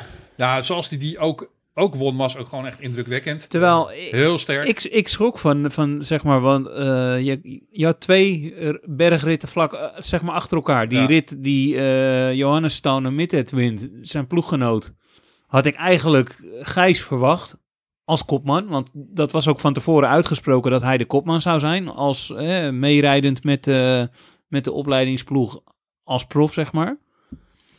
Daar laat hij het dan, ik zal niet zeggen laat hij het liggen, maar werd hij ook door een directe concurrenten nog wat op afstand gereden. En dan de volgende dag haalt hij zo uit. Ja. Waar ik het niet meer verwacht had eigenlijk. Nou, het is in ieder geval een jongen waar denk ik waar we ook de komende jaren nog eh, ja, hopelijk heel veel van gaan genieten. Het is, het is een hele goede jongen, heel, met een goede kop denk ik. Eh, ik heb hem een 7 gegeven. Ehm, omdat ik het gewoon lastig vond ook, om hem verder ook te beoordelen. Want, Ja, nou, hij heeft niet heel veel koersen gereden Nee. die bij zijn, eh, bij zijn kwaliteiten zouden moeten passen natuurlijk. Ja, in Hongarije had ik dus wel iets, weer iets meer van hem verwacht. En daar ging die, was die bergop, was die toch gewoon, vond ik hem wat, vond hem wat minder. Maar, Ja. ehm, nou, ik denk dat een 7 gewoon goed is voor je eerste jaar op wereldtoerniveau. Ehm ja, Tony Martin heb ik een, uiteindelijk een 6 gegeven. Ik denk dat voor hem dat hij een hoogtepunt aan het einde van zijn, van zijn, van zijn, van zijn jaar had. Eh, door zijn wereldtitel te pakken met, met, de- met, met de Duitse ploeg. Maar verder ja, lag hij eh, toch wel vrij veel op de grond dit jaar. Ehm, denk dat hij ik- veel ik- angst had ook. Veel ja, angst, ik denk eh, dat die laatste jaren die angst steeds groter is geworden. En dat is een beetje een rode draad door het seizoen geworden.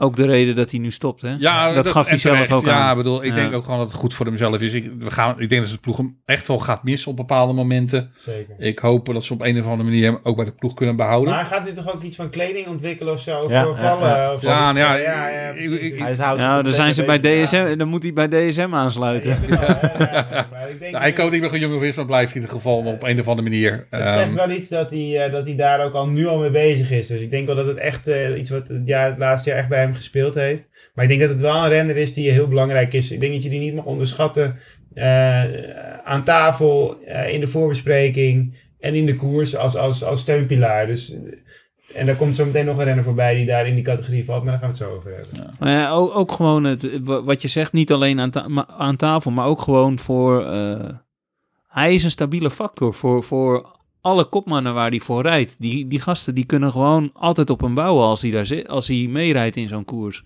En ik denk dat dat eh, een mentaal voordeel ook voor de kopman zelf is. Om te weten, ik heb Tony Martin bij me, weet je wel. Ja, die gaat gewoon voor je. gaat Ja. gewoon in het wiel zitten. En dan zit je in principe goed, tenzij er iemand met een bordje opa en oma op de weg staat. Ja, ja.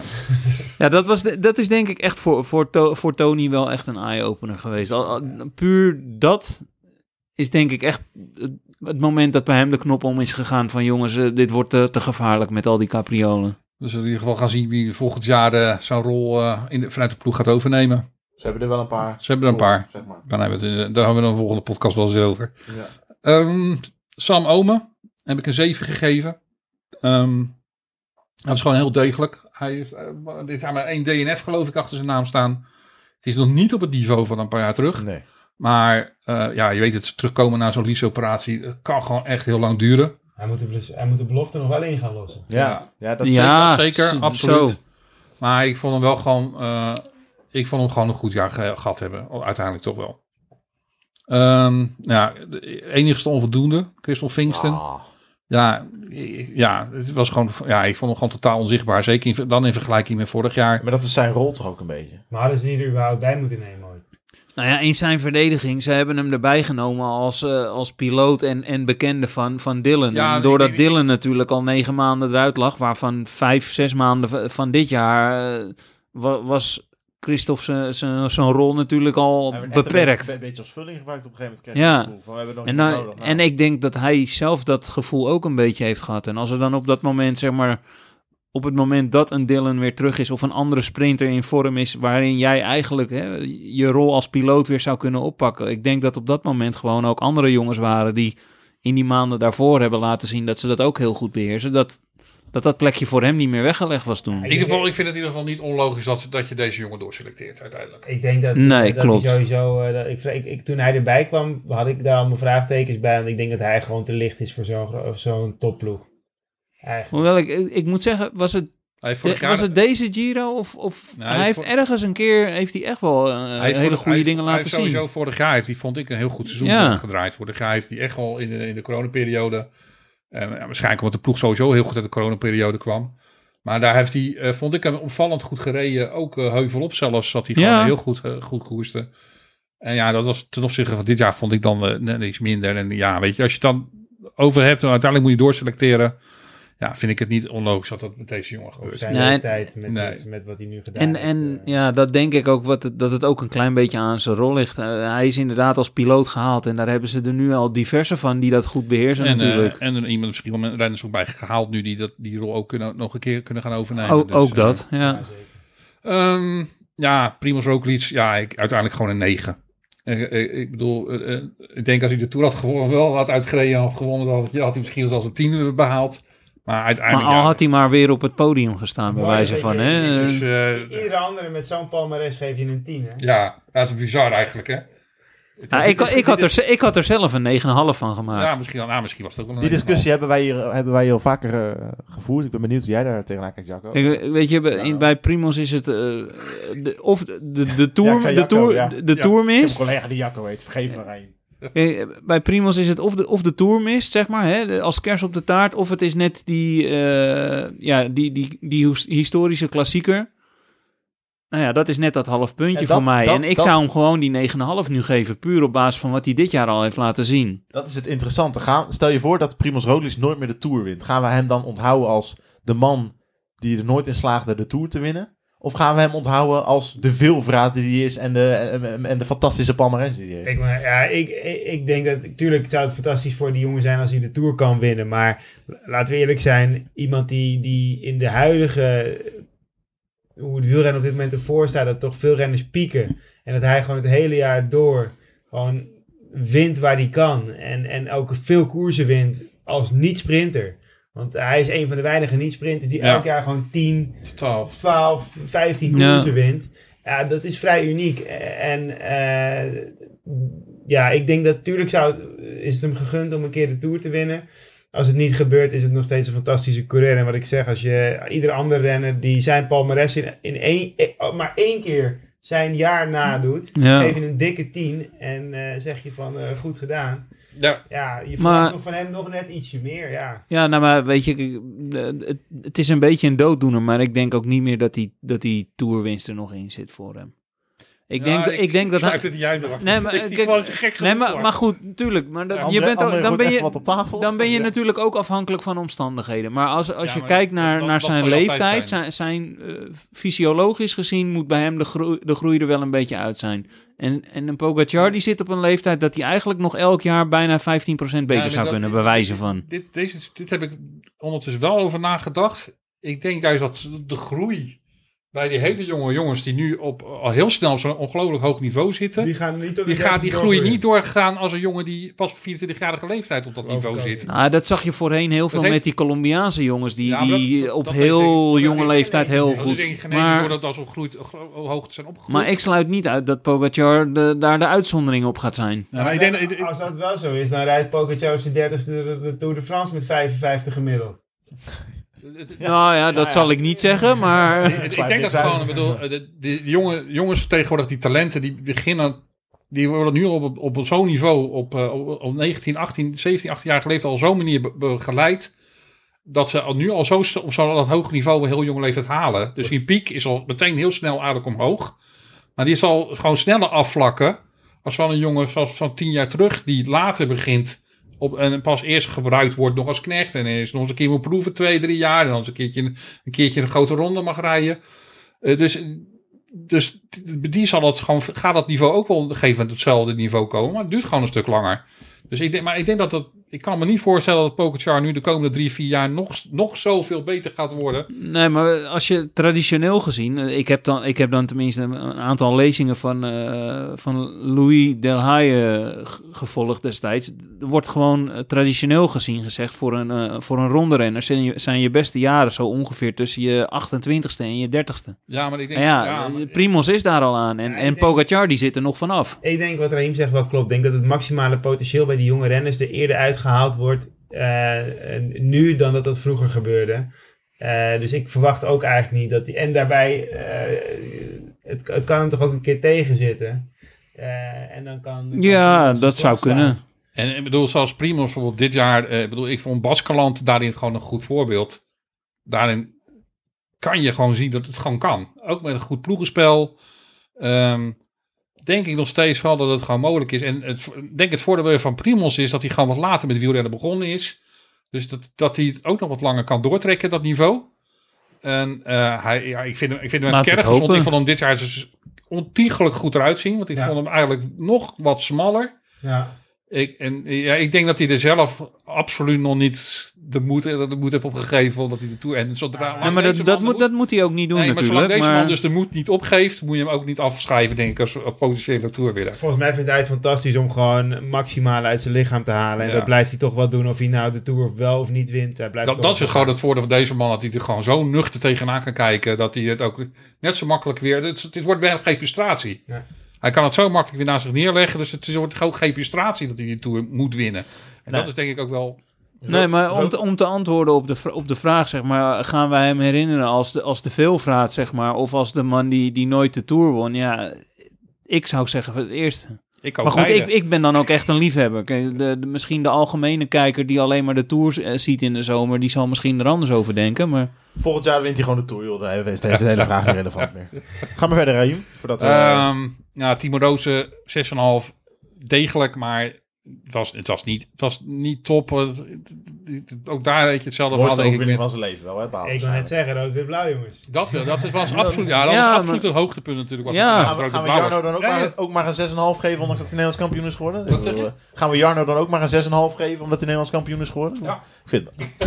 En terecht. Nee, maar ik moet zeggen, ik, Ja. ik, ik denk dat Maar- Timo Rozen, eh, inderdaad, ik denk dat het cijfer niet hoger moet zijn. Als je ook naar het NK kijkt, eh, als je puur naar de capaciteiten kijkt, denk ik eigenlijk dat Sjoerd Baks op die dag beter was. Alleen dat Timo Rozen gebruik heeft gemaakt van het overtal van zijn ploeg. Ja. En daarmee kampioen is geworden.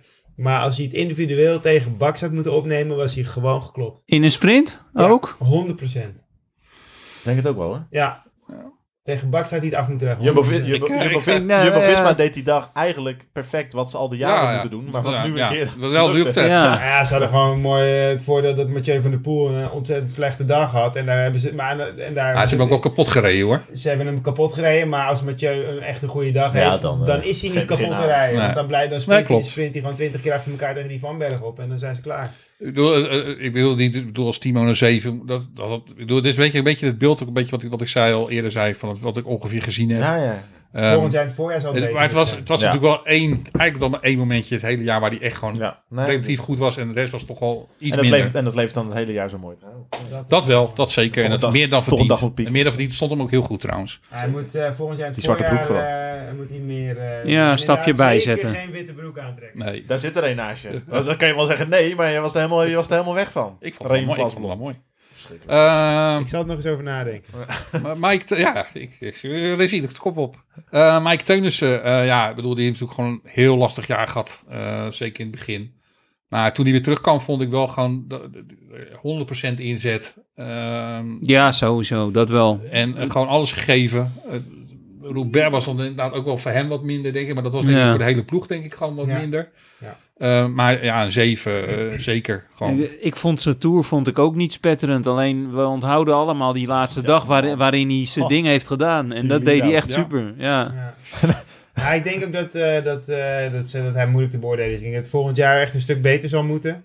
Maar eh, ja, het is gewoon een goede renner. En eh, Wout van Aert zal hem hard nodig hebben Zeker. jaar. Nou, de, de hoop is gewoon dat ook dat eh, hè, als, als Wout inderdaad volgend jaar zijn niveau heeft in de, hoofd, in de voorjaarsklassiekers. En dan met de versterkingen die erbij zitten. Dat ze eindelijk een keer ook eh, een overtalsituatie kunnen uitspelen. Zoals de Ja, Koning Quickstep de afgelopen jaren altijd heeft kunnen Je, kan- doen. je kan waarschijnlijk wat meer profiteren van. En straks van dat ze wel gaan kijken naar Wout. En ja, dan kunnen straks jongens Vincent en zo. En misschien ook Mike. Dat maar dan moeten ze wel het niveau hebben op dat moment. Ja, dus dat is dat het. is is het. altijd zo natuurlijk. Je kan pas profiteren van zo'n situatie Als je er zit. Ja. Ja.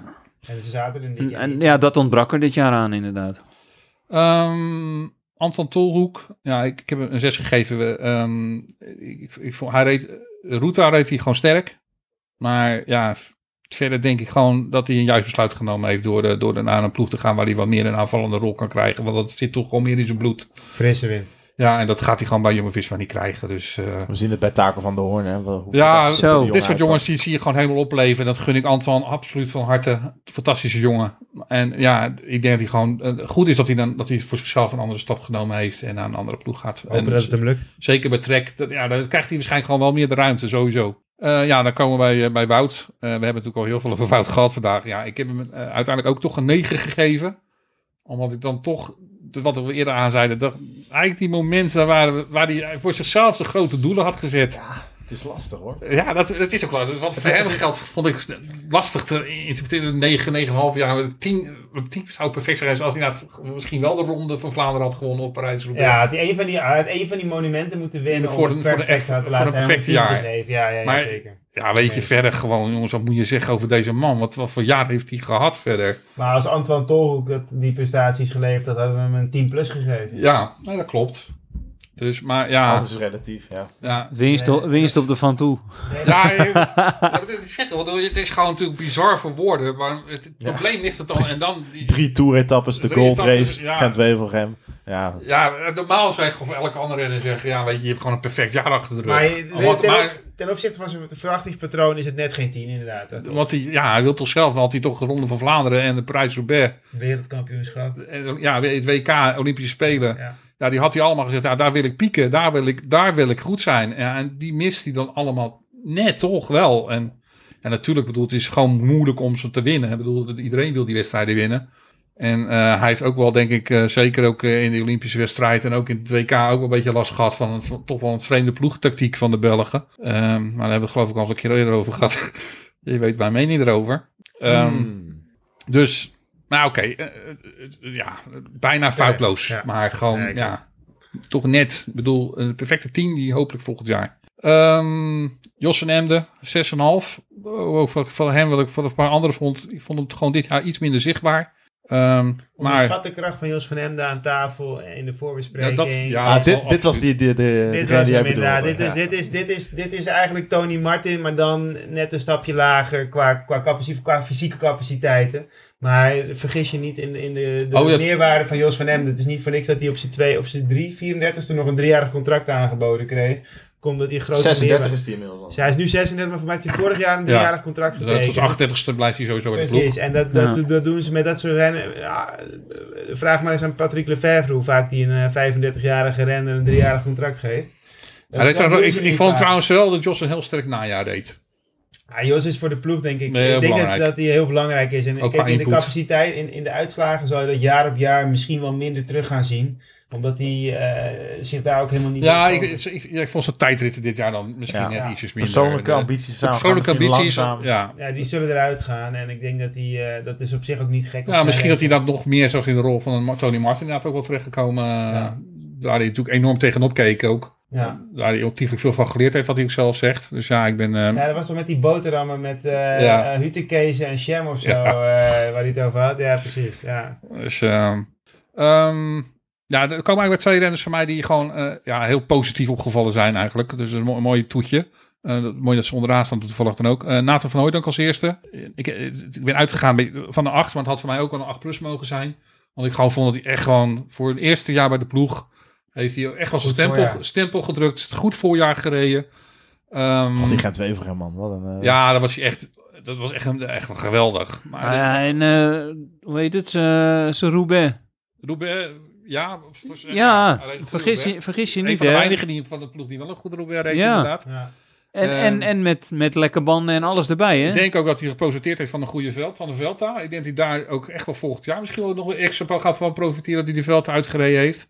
Want daar was, vond ik hem ook echt geweldig. Ook bergop vond ik hem daar gewoon ontzettend sterk. Ja. Maar dat vond ik dus ook al bijvoorbeeld in de Route de Sol. Dat viel hij mij ook al op. Dat hij op een gegeven moment was, die, was er een ploeg die Tolhoek weg- even terugreed, hè? Dat ik Tolhoek gewoon terugreed, bergop. Dus ja, deze man, daar zit gewoon echt wel heel veel in. Ik denk dat het echt een hele goede aanwinst is geweest.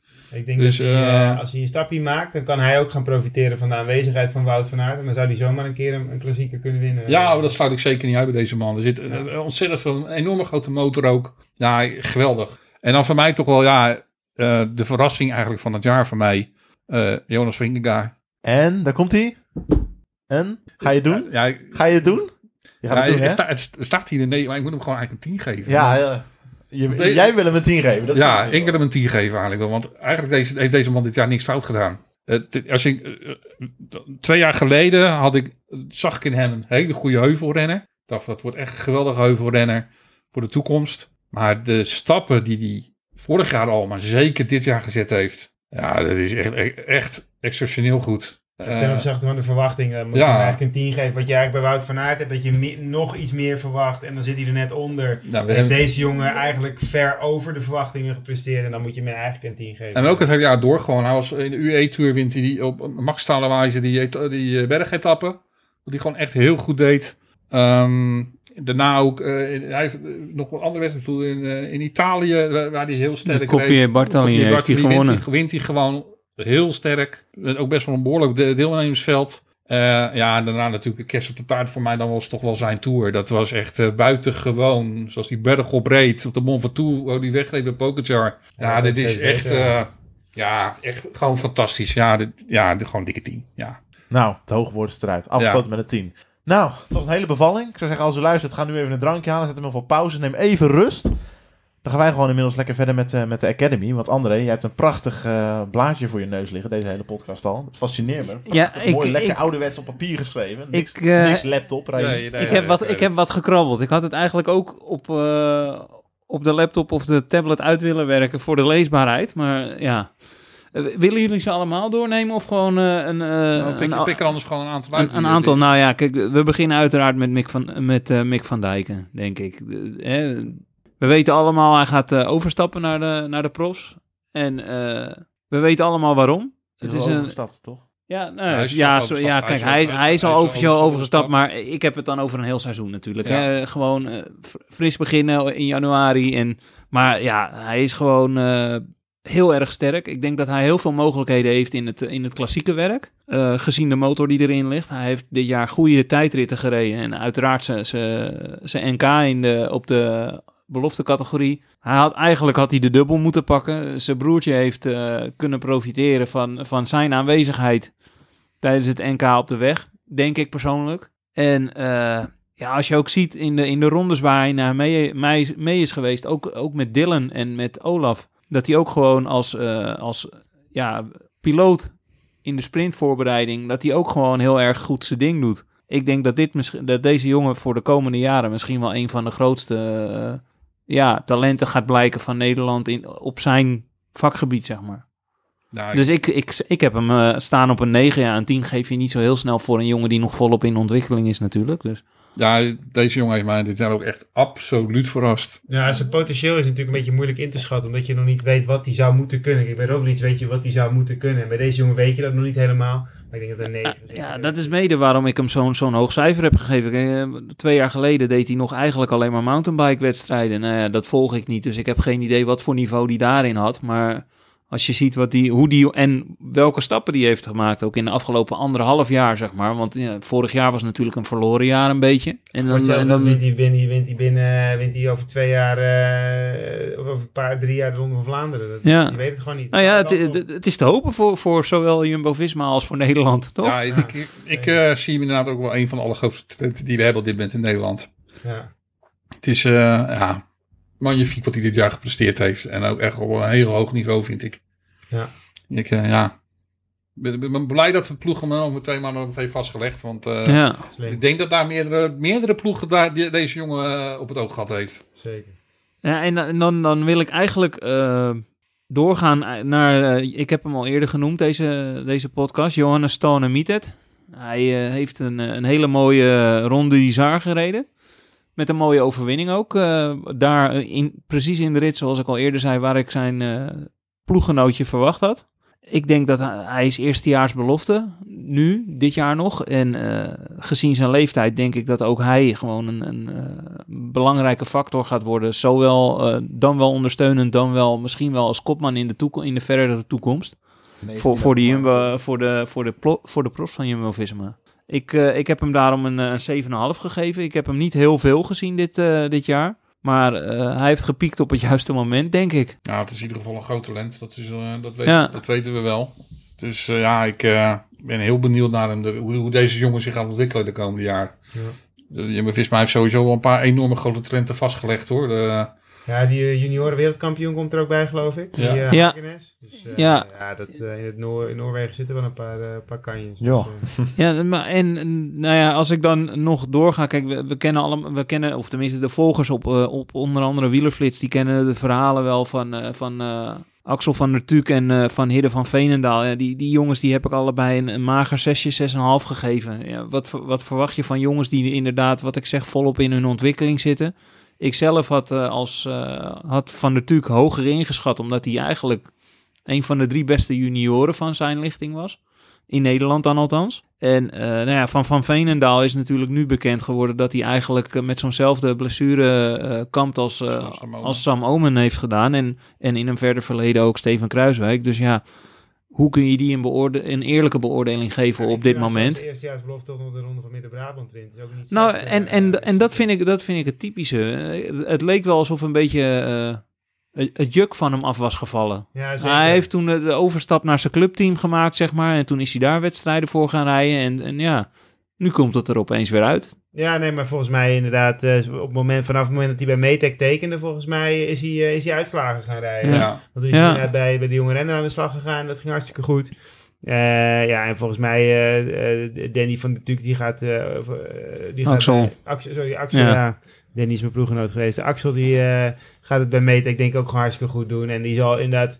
Bij Jumbo is hij wat tegengevallen. En dat geldt voor Hidden van Veenendaal ook. Maar ik denk dat beide jongens bij, bij Metec eh, echt wel eruit gaan komen. Ja, nou ja, zij hebben natuurlijk ook een beetje de pech dat de dat, dat coronajaar ertussen, ertussen heeft gezeten. En ik- ja, als je dan nog geen prof bent en, en hè, die, dat soort tegenslagen nog niet hebt gekend, dan is het misschien ook moeilijk om ja, de motivatie te behouden. En, Mentaal wel zwaar geweest Ja. voor jonge jongens. ja, daarom. Ja. En maar eh, om er dan nog eentje uit te pikken, Rick Pluimers. Ja, dat is goed. Ik vind, eh, hij heeft diverse eh, wedstrijden met de profs meegereden. Hij heeft echt eh, zijn waarde meermaals bewezen. En ik had ook eigenlijk verwacht dat hij in plaats van Michel Hesman, de, de, die Duitse tijdritspecialist, noem ik hem maar even, dat hij eerder de overstap zou maken naar de profs. ja, ik, Persoonlijk. Ik denk dat de ploeg kijkt natuurlijk naar meerdere dingen dan alleen maar de uitslagen die ze rijden. Ze zullen wel een bepaalde ontwikkeling gezien hebben bij Hesman. Maar om ze denken dat Hesman op dit moment iets verder staat als, als Pluimers. Ja, of misschien iets, iets meer eh, de kwaliteit die ze op dat moment zoeken, of in de komende jaren. ook nog in de persoonlijke ontwikkeling waar Ja. ze naar kijken. Ik bedoel, er zullen, Maar ik, ik, ik, ik denk wel dat hij er komt hoor nog. Het zou eh. zomaar kunnen zijn dat die eh, Hesman, doordat hij natuurlijk een goede tijdrijder is, dat hij ook qua, qua wattages beter, gewoon echt beter is dan Pluimers. En dat ze daar toch meer naar kijken, tegenwoordig zeker bij die, bij die professionele ploegen. Je ziet dat ook.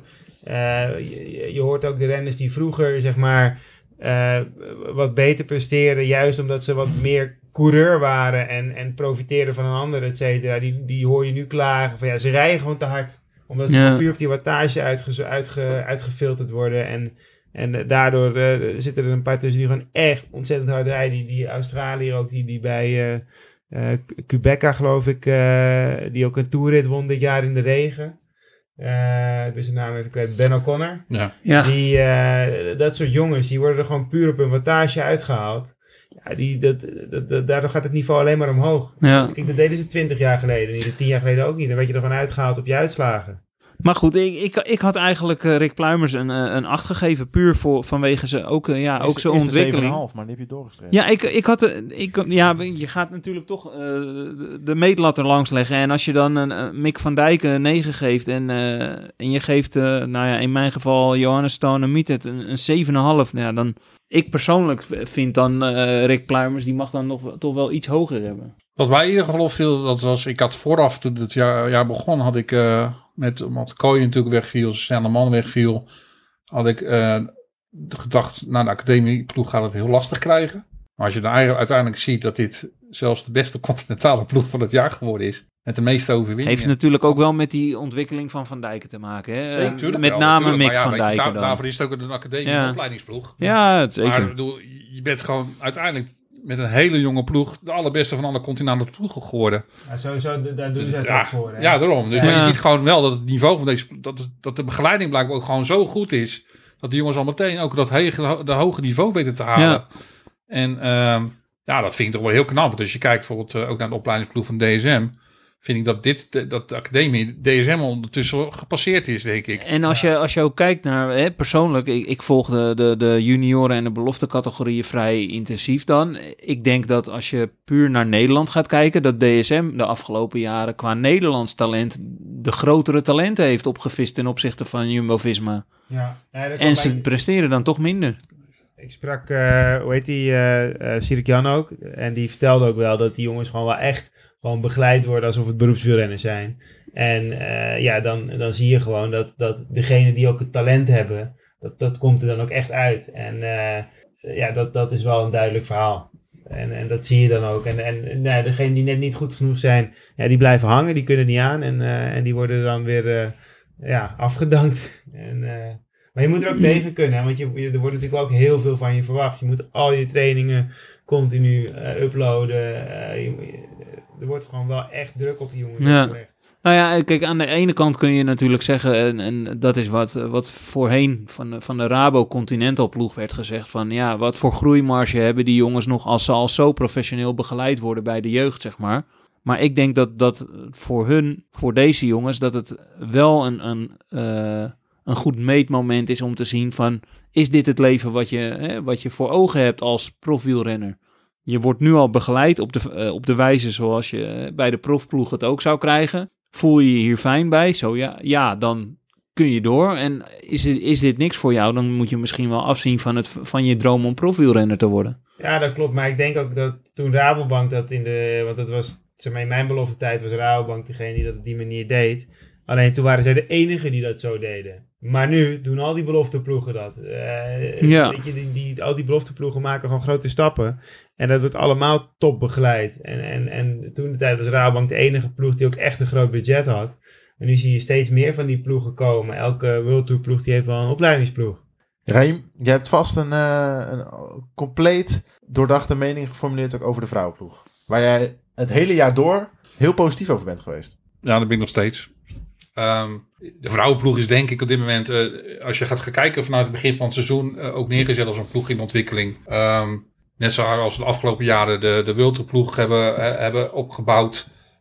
Ja, was het vooral het plan dit jaar om dat ook met de vrouwen te doen. We hebben als Marianne Vos als, als kern, als, als, als, de, als degene die de wedstrijden moet winnen voor de ploeg dan toch. Om, want ja, je wilt wel een niveau hebben Boegbeeld ook wel. het boegbeeld van de ploeg zijn.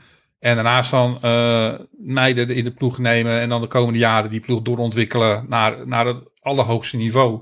Ehm, als je dan nog kijkt naar de prestaties van dit jaar. Ja, dan zitten ze eigenlijk toch al heel dicht tegen daar tegenaan meteen. Ehm, ze doen niet onder voor heel veel andere World Tour, dames World Tour ploegen.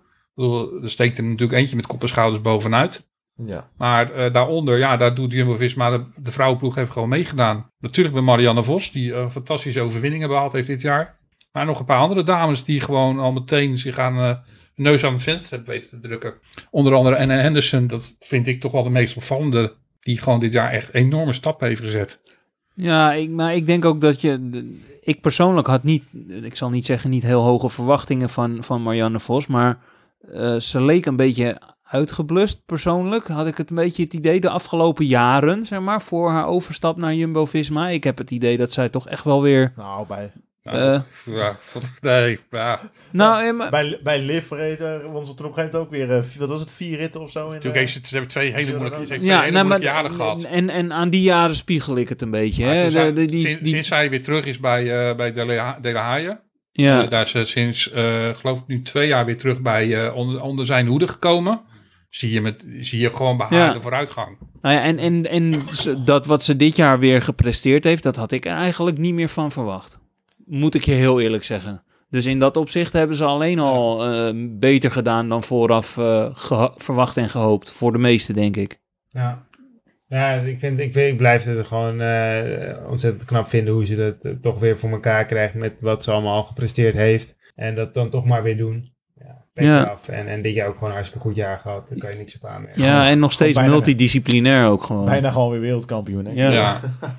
nou, het is, gewoon, het is gewoon een topmeid en een geweldige koers. En voor, de, voor die andere meiden in die ploeg denk ik ook gewoon een enorm prettig om die erbij te hebben.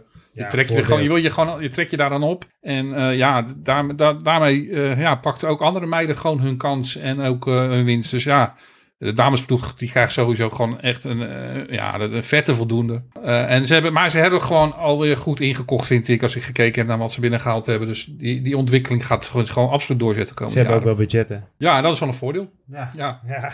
Time flies when you're having fun, mannen. Zeker. Eh, laten we het laatste nieuws even doornemen. Want eh, het is alweer twee uur geleden. Maar we, hebben, we hebben ooit in een, in een, in een intro eh, het gehad over drie, eh, drie, eh, drie namen van eh 10 DSM. ja, Waarvan het gerucht gaat dat ze... ja die- DSM die gaat sowieso afscheid nemen van Tusveld. En zijn naam werd eigenlijk al, wordt al een hele tijd genoemd. Als een van de mannen die, die bij de ploeg van de ploeg heeft op klimgebied ietsjes ingeleverd, denk ik, ten opzichte van dit jaar. Als je kijkt naar de selectie voor volgend jaar. Dus ja, daar zou Tusveld misschien dan be- tussen passen. Ehm, de evolutie van bepaalde renners ook, denk ik. Maar Ja. ja. Kan, hij, zou, hij, hij kan er wel bijgenomen worden. En daarnaast dan denk ik inderdaad dat eh, ja, Van Wilder misschien gewoon... Ja, ik denk dat het gewoon een van de gro- grotere Belgische talenten is in principe. Dus ja, die zou je denk ik als ploeg sowieso altijd wel bij willen hebben. En, eh, maar ja, de naam die, die het meest misschien opvalt. eh maar nog steeds, ik bedoel, laten we wel wezen, deze twee jongens staan nog steeds bij eh, Sunweb, bij DSM onder contract. Ik bedoel, er is nog steeds niks van dat ze, dat ze vrijgelaten zijn. Dus, eh, en bij de ene gaat het zelfs een rechtszaak van komen waarschijnlijk. Oh, daar heeft, maar daar heeft Jumbo-Visma ervaring mee. Ja, maar dat, Belgische daar renners gaat- die daar gaat met rechtszaken... ja, maar daar gaat Jumbo Visma zich in ieder geval sowieso niet mee bemoeien. Maar eh, ja, natuurlijk, ja, Ties zou je ook heel graag bij de ploeg willen hebben. Dus Ik denk dat Wout van Aert het ook heel graag ziet. ik denk dat Ties... wat een klassieke kern heb je dan. Met een Ties Benoot, met een Laporte, met een Tors van der Zanden, met een Mike Teunissen hopelijk weer op eh oorlogsterkte erbij. ja, da- daar kan je van dan... Hooijdonk. eh, ik denk, dit is denk ik ook gewoon waar, waar, eh, waar, ze, met- waar ze met Doe het Wout ja, ook aangegeven hebben. We gaan die ploeg rondom ja, gewoon verder ontwikkelen. Ja, daar zijn ze dus gewoon druk mee bezig. En ik denk dat het volgend jaar... Ja, dat, het, dat, dat ze daar zeker niet onder gaan doen voor de Koning Quickstep in, in, in heel veel van die voorjaarskoersen met deze ploeg, in deze samenstelling. Dus eh, Dus sterkt op papier niet, maar op de een of andere manier zit er een bepaalde magie bij de Koning Erop gebrand. sowieso. Ja, ik me ja, afvraag of zij dat gaan kunnen kopiëren. ja, ik weet ook niet of je het moet kopiëren. Ik bedoel, de Eh, doelstellingen nee. van Jumbo-Visma zijn natuurlijk over een heel seizoen ook gewoon totaal anders als bij de Koning Quickstep. Waar de Koning Quickstep natuurlijk vooral gericht is op dat voorjaar of op die, op die wedstrijden om, om eendaags om de etappes te winnen. En ja, veel minder kijkt naar klassementen. Dus ja, de, de, de hele insteek van tussen de Koning Quickstep is ook gewoon totaal anders van Jumbo-Visma. En dat moet je ook niet met elkaar willen vergelijken. En dat, ja, weet je... ehm, Nee, maar de Koning Quickstep heeft wel een bepaalde magie in die ploeg Ja, zitten, zeker. Die, die, die, die nergens anders, denk ik, eh, zo sterk aanwezig is. ja, dat klopt. Maar Jarno, Ties Benoot naar Jumbo-Visma, waar rook is, is vuur, toch? Ja, dat, dat zal eh, waarschijnlijk allemaal... Kijk, natuurlijk zeggen ze nu nog niet dat het zo is. En dat kunnen ze waarschijnlijk pas in de media rond, eh, strui- eh, rondmaken. En, en uitbrengen als dat echt pas zover is. Kijk, Wout wil dat. Ik denk dat Ties Benoot dat ook wil. De middelen bij, bij Jumbo-Visma zijn er ervoor. Dus ik, ja, ik ga ervan uit, maar je weet het nooit helemaal zeker totdat het rond is. Ik denk, ik denk op zich dat uh, Luther Sadal, denk ik, de ploeg is er daarnaast. Die, eh, ja, je ziet ook die Oude nest. Zijn oude nest. En daar, die missen ook nog. Die zijn nog zeker ook niet op volle, op volle oorlogsterkte. Want die zitten geloof ik op dit moment op 26, waar ze minimaal op 27 moeten zitten. Ja, En die wachten ook af. Ik, Ik, denk, ik denk dat, dat die, al die mensen ploegen zitten wachten, denk ik. ja, maar ik denk moment. dat Ties Benoot, eh, kijk, dat is inderdaad, op een gegeven moment kom je in zo'n situatie, hebben ze nog één of twee plekjes en dan gaan ze allemaal zitten wachten van wie er nog is. Dat Ties Benoot ook best een dure renner is. En, Dat wel, eh, dat zeker. Dat is bij Jumbo-Visma geen probleem en dat is bij eh Lotto Soudal een stukje lastiger. Ja. Dus, Maar nou, al- als het, als het erom gaat, wie van de drie zien jullie het liefst komen? van de drie? Ties Benoot. ja, ik hou dan toch op Ilan. En wat is, wat is je, je zienswijze daarbij? Ehm, puur gewoon wat ik de ontwikkeling van Ilan Verwilder gewoon interessant vind om te volgen de komende jaren. En dat zou ik het liefst zien bij Jumbo-Visma. Maar dan, dan kies je dus een, een, een, een type mogelijk klassementsrenner, eh, tijdrijder, eh, ja, ik- die, die op langere termijn waarschijnlijk ze, eh, zal gaan scoren. Dat Ja, is dan klopt. althans de hoop. ja. Ten, ten opzichte van een, een directe versterking van, eh, voor het om- klassieke werk. Ja, nou ja, ik, ik vind wat we nu hebben al ongelooflijk sterk voor komend jaar in vergelijking met wat, met wat we dit jaar hebben. Dus natuurlijk gaat Ties dan nog een keer wat extra's doen. Maar we moeten nou, ik bedoel, aan de andere kant, Ties is ook weer geen veelwinnaar. Denk ik dat Ties wel zou kunnen profiteren van het feit dat hij bij deze ploeg zou kunnen komen te rijden. Want eh, als hij puur zelf de kopman moet zijn, denk ik gewoon dat hij net iets tekort komt. Letterlijk. Maar als hij kan in deze ploeg, waar hij kan, eventueel kan profiteren van inderdaad van, een- van een Wout of van een Laporte op dat moment, of wie, wie dan ook op dat moment met, met wie in de finale zit, dat zal voor hem denk ik wel de beste keus zijn om te maken. Maar als je nu aan mij vraagt van, eh, als je echt zou moeten kiezen, welke van de drie vind jij het meest interessant? En dan kijk ik voor mezelf van, ja, wat vind ik de leukste renner van de drie? Ja, dan vind ik voor mij dat Ilan van Wilder. We gaan het allemaal zien, man. Het is Ja. ook allemaal voor volgend jaar uiteindelijk. eh, om mee af te sluiten. Eh, Marijn eh, Zeeman en consorten zijn natuurlijk druk bezig nu de parcoursen van de Giro en de Tour gepresenteerd zijn. Druk bezig met, met plannen smeden. Is, is jullie nog iets opgevallen aan de, aan de presentaties, aan de, aan, de- aan de rittenschema's? Ehm, nou, wat mij het meest opviel, eh, was eigenlijk eh, de overeenkomsten tussen, eh, tussen de beide rondes. Ze zijn natuurlijk, de Giro is op één, één etappe na de laatste afsluitende tijdrit is nog niet, nog niet gepresenteerd. Dat gebeurt geloof ik morgen.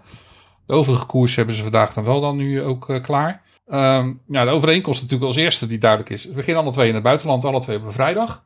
De, de Tour begint dan met een tijdrit. En en, de, etappe, de tijdrit in wel gek. Het is wel is, gek. is de tweede Ik dag. vind het gek op vrijdag beginnen. Ja, het is, het is- ja, het is wel al Heeft waarschijnlijk weet je te nog maken die- met die Het reisdagen heeft te maken met de reis na de Ja. derde dag. Dat ze die, eh, dat, dat- Weet je nog die column die ik ooit schreef over die eerste, die eerste zaterdag? Ja, dat klopt, Extra ja. rustdag hebben ze, hè?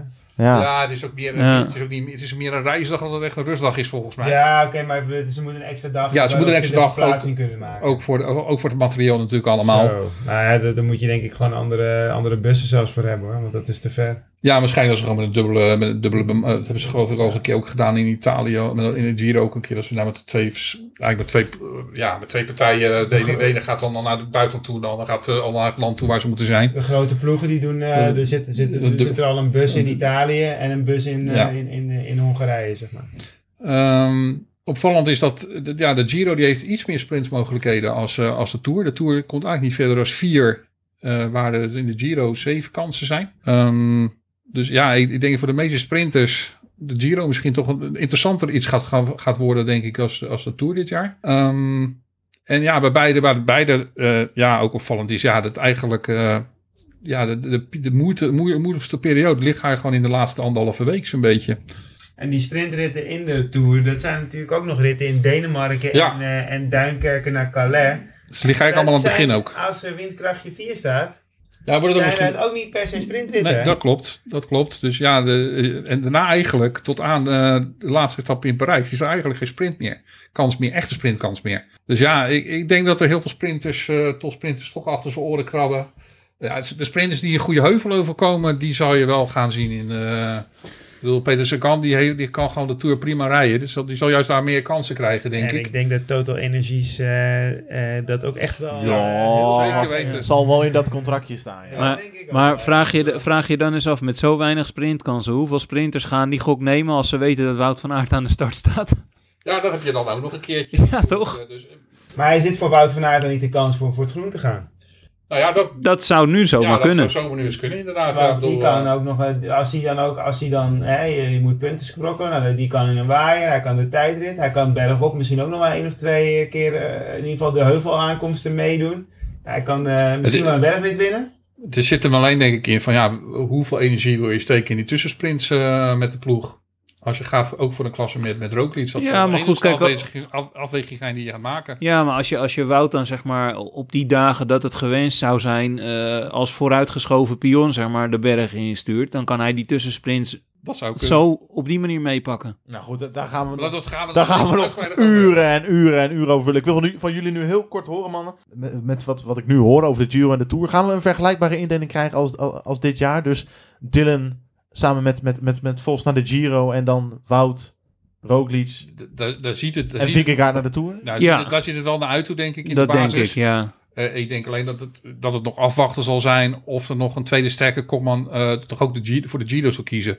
Ik, ik kan, ik Afwachten denk- wat er met Dumoulin gebeurt natuurlijk. Ja, dus ik kan, me- ik, ik- misschien, niet- ik kan me niet voorstellen dat, dat je weer met Roglic, Kruiswijk en Tom eh, kie- voor kiest om naar de Tour te gaan. Het zal mij niet verbazen als een van de drie ervoor kiest om ook eh, toch eh, naast Vos de kopman te worden in de Giro. Dan denk ik aan Kruiswijk. Ja, nou, dat, dat, dat- maar dat heb ik ook in het afgelopen jaar meerdere keren, geloof ik wel, aan, aan jullie aangegeven. Dat ik nog steeds hoop dat, dat, dat Kruiswijk in, de- in de Giro gaat terugkeren om het toch nog een laatste keer Ja, te proberen. en Dat zou aankomend jaar denk ik wel Ja. Ja. het, het is een, ook qua tijdritkilometers val- gaat de Giro gewoon... eh, ja, die, die heeft eentje dan het begin die van 10 kilometer. Die, eh, en aan het eind, ja, die laatste van morgen moet natuurlijk bekendgemaakt worden. Ik schat in dat hij rond de vijf, tussen de 25 en 30 kilometer Ja, gaat zijn. Dus ja, met 40 kilometer tijdrit kan hij dat ook prima aan, denk ik.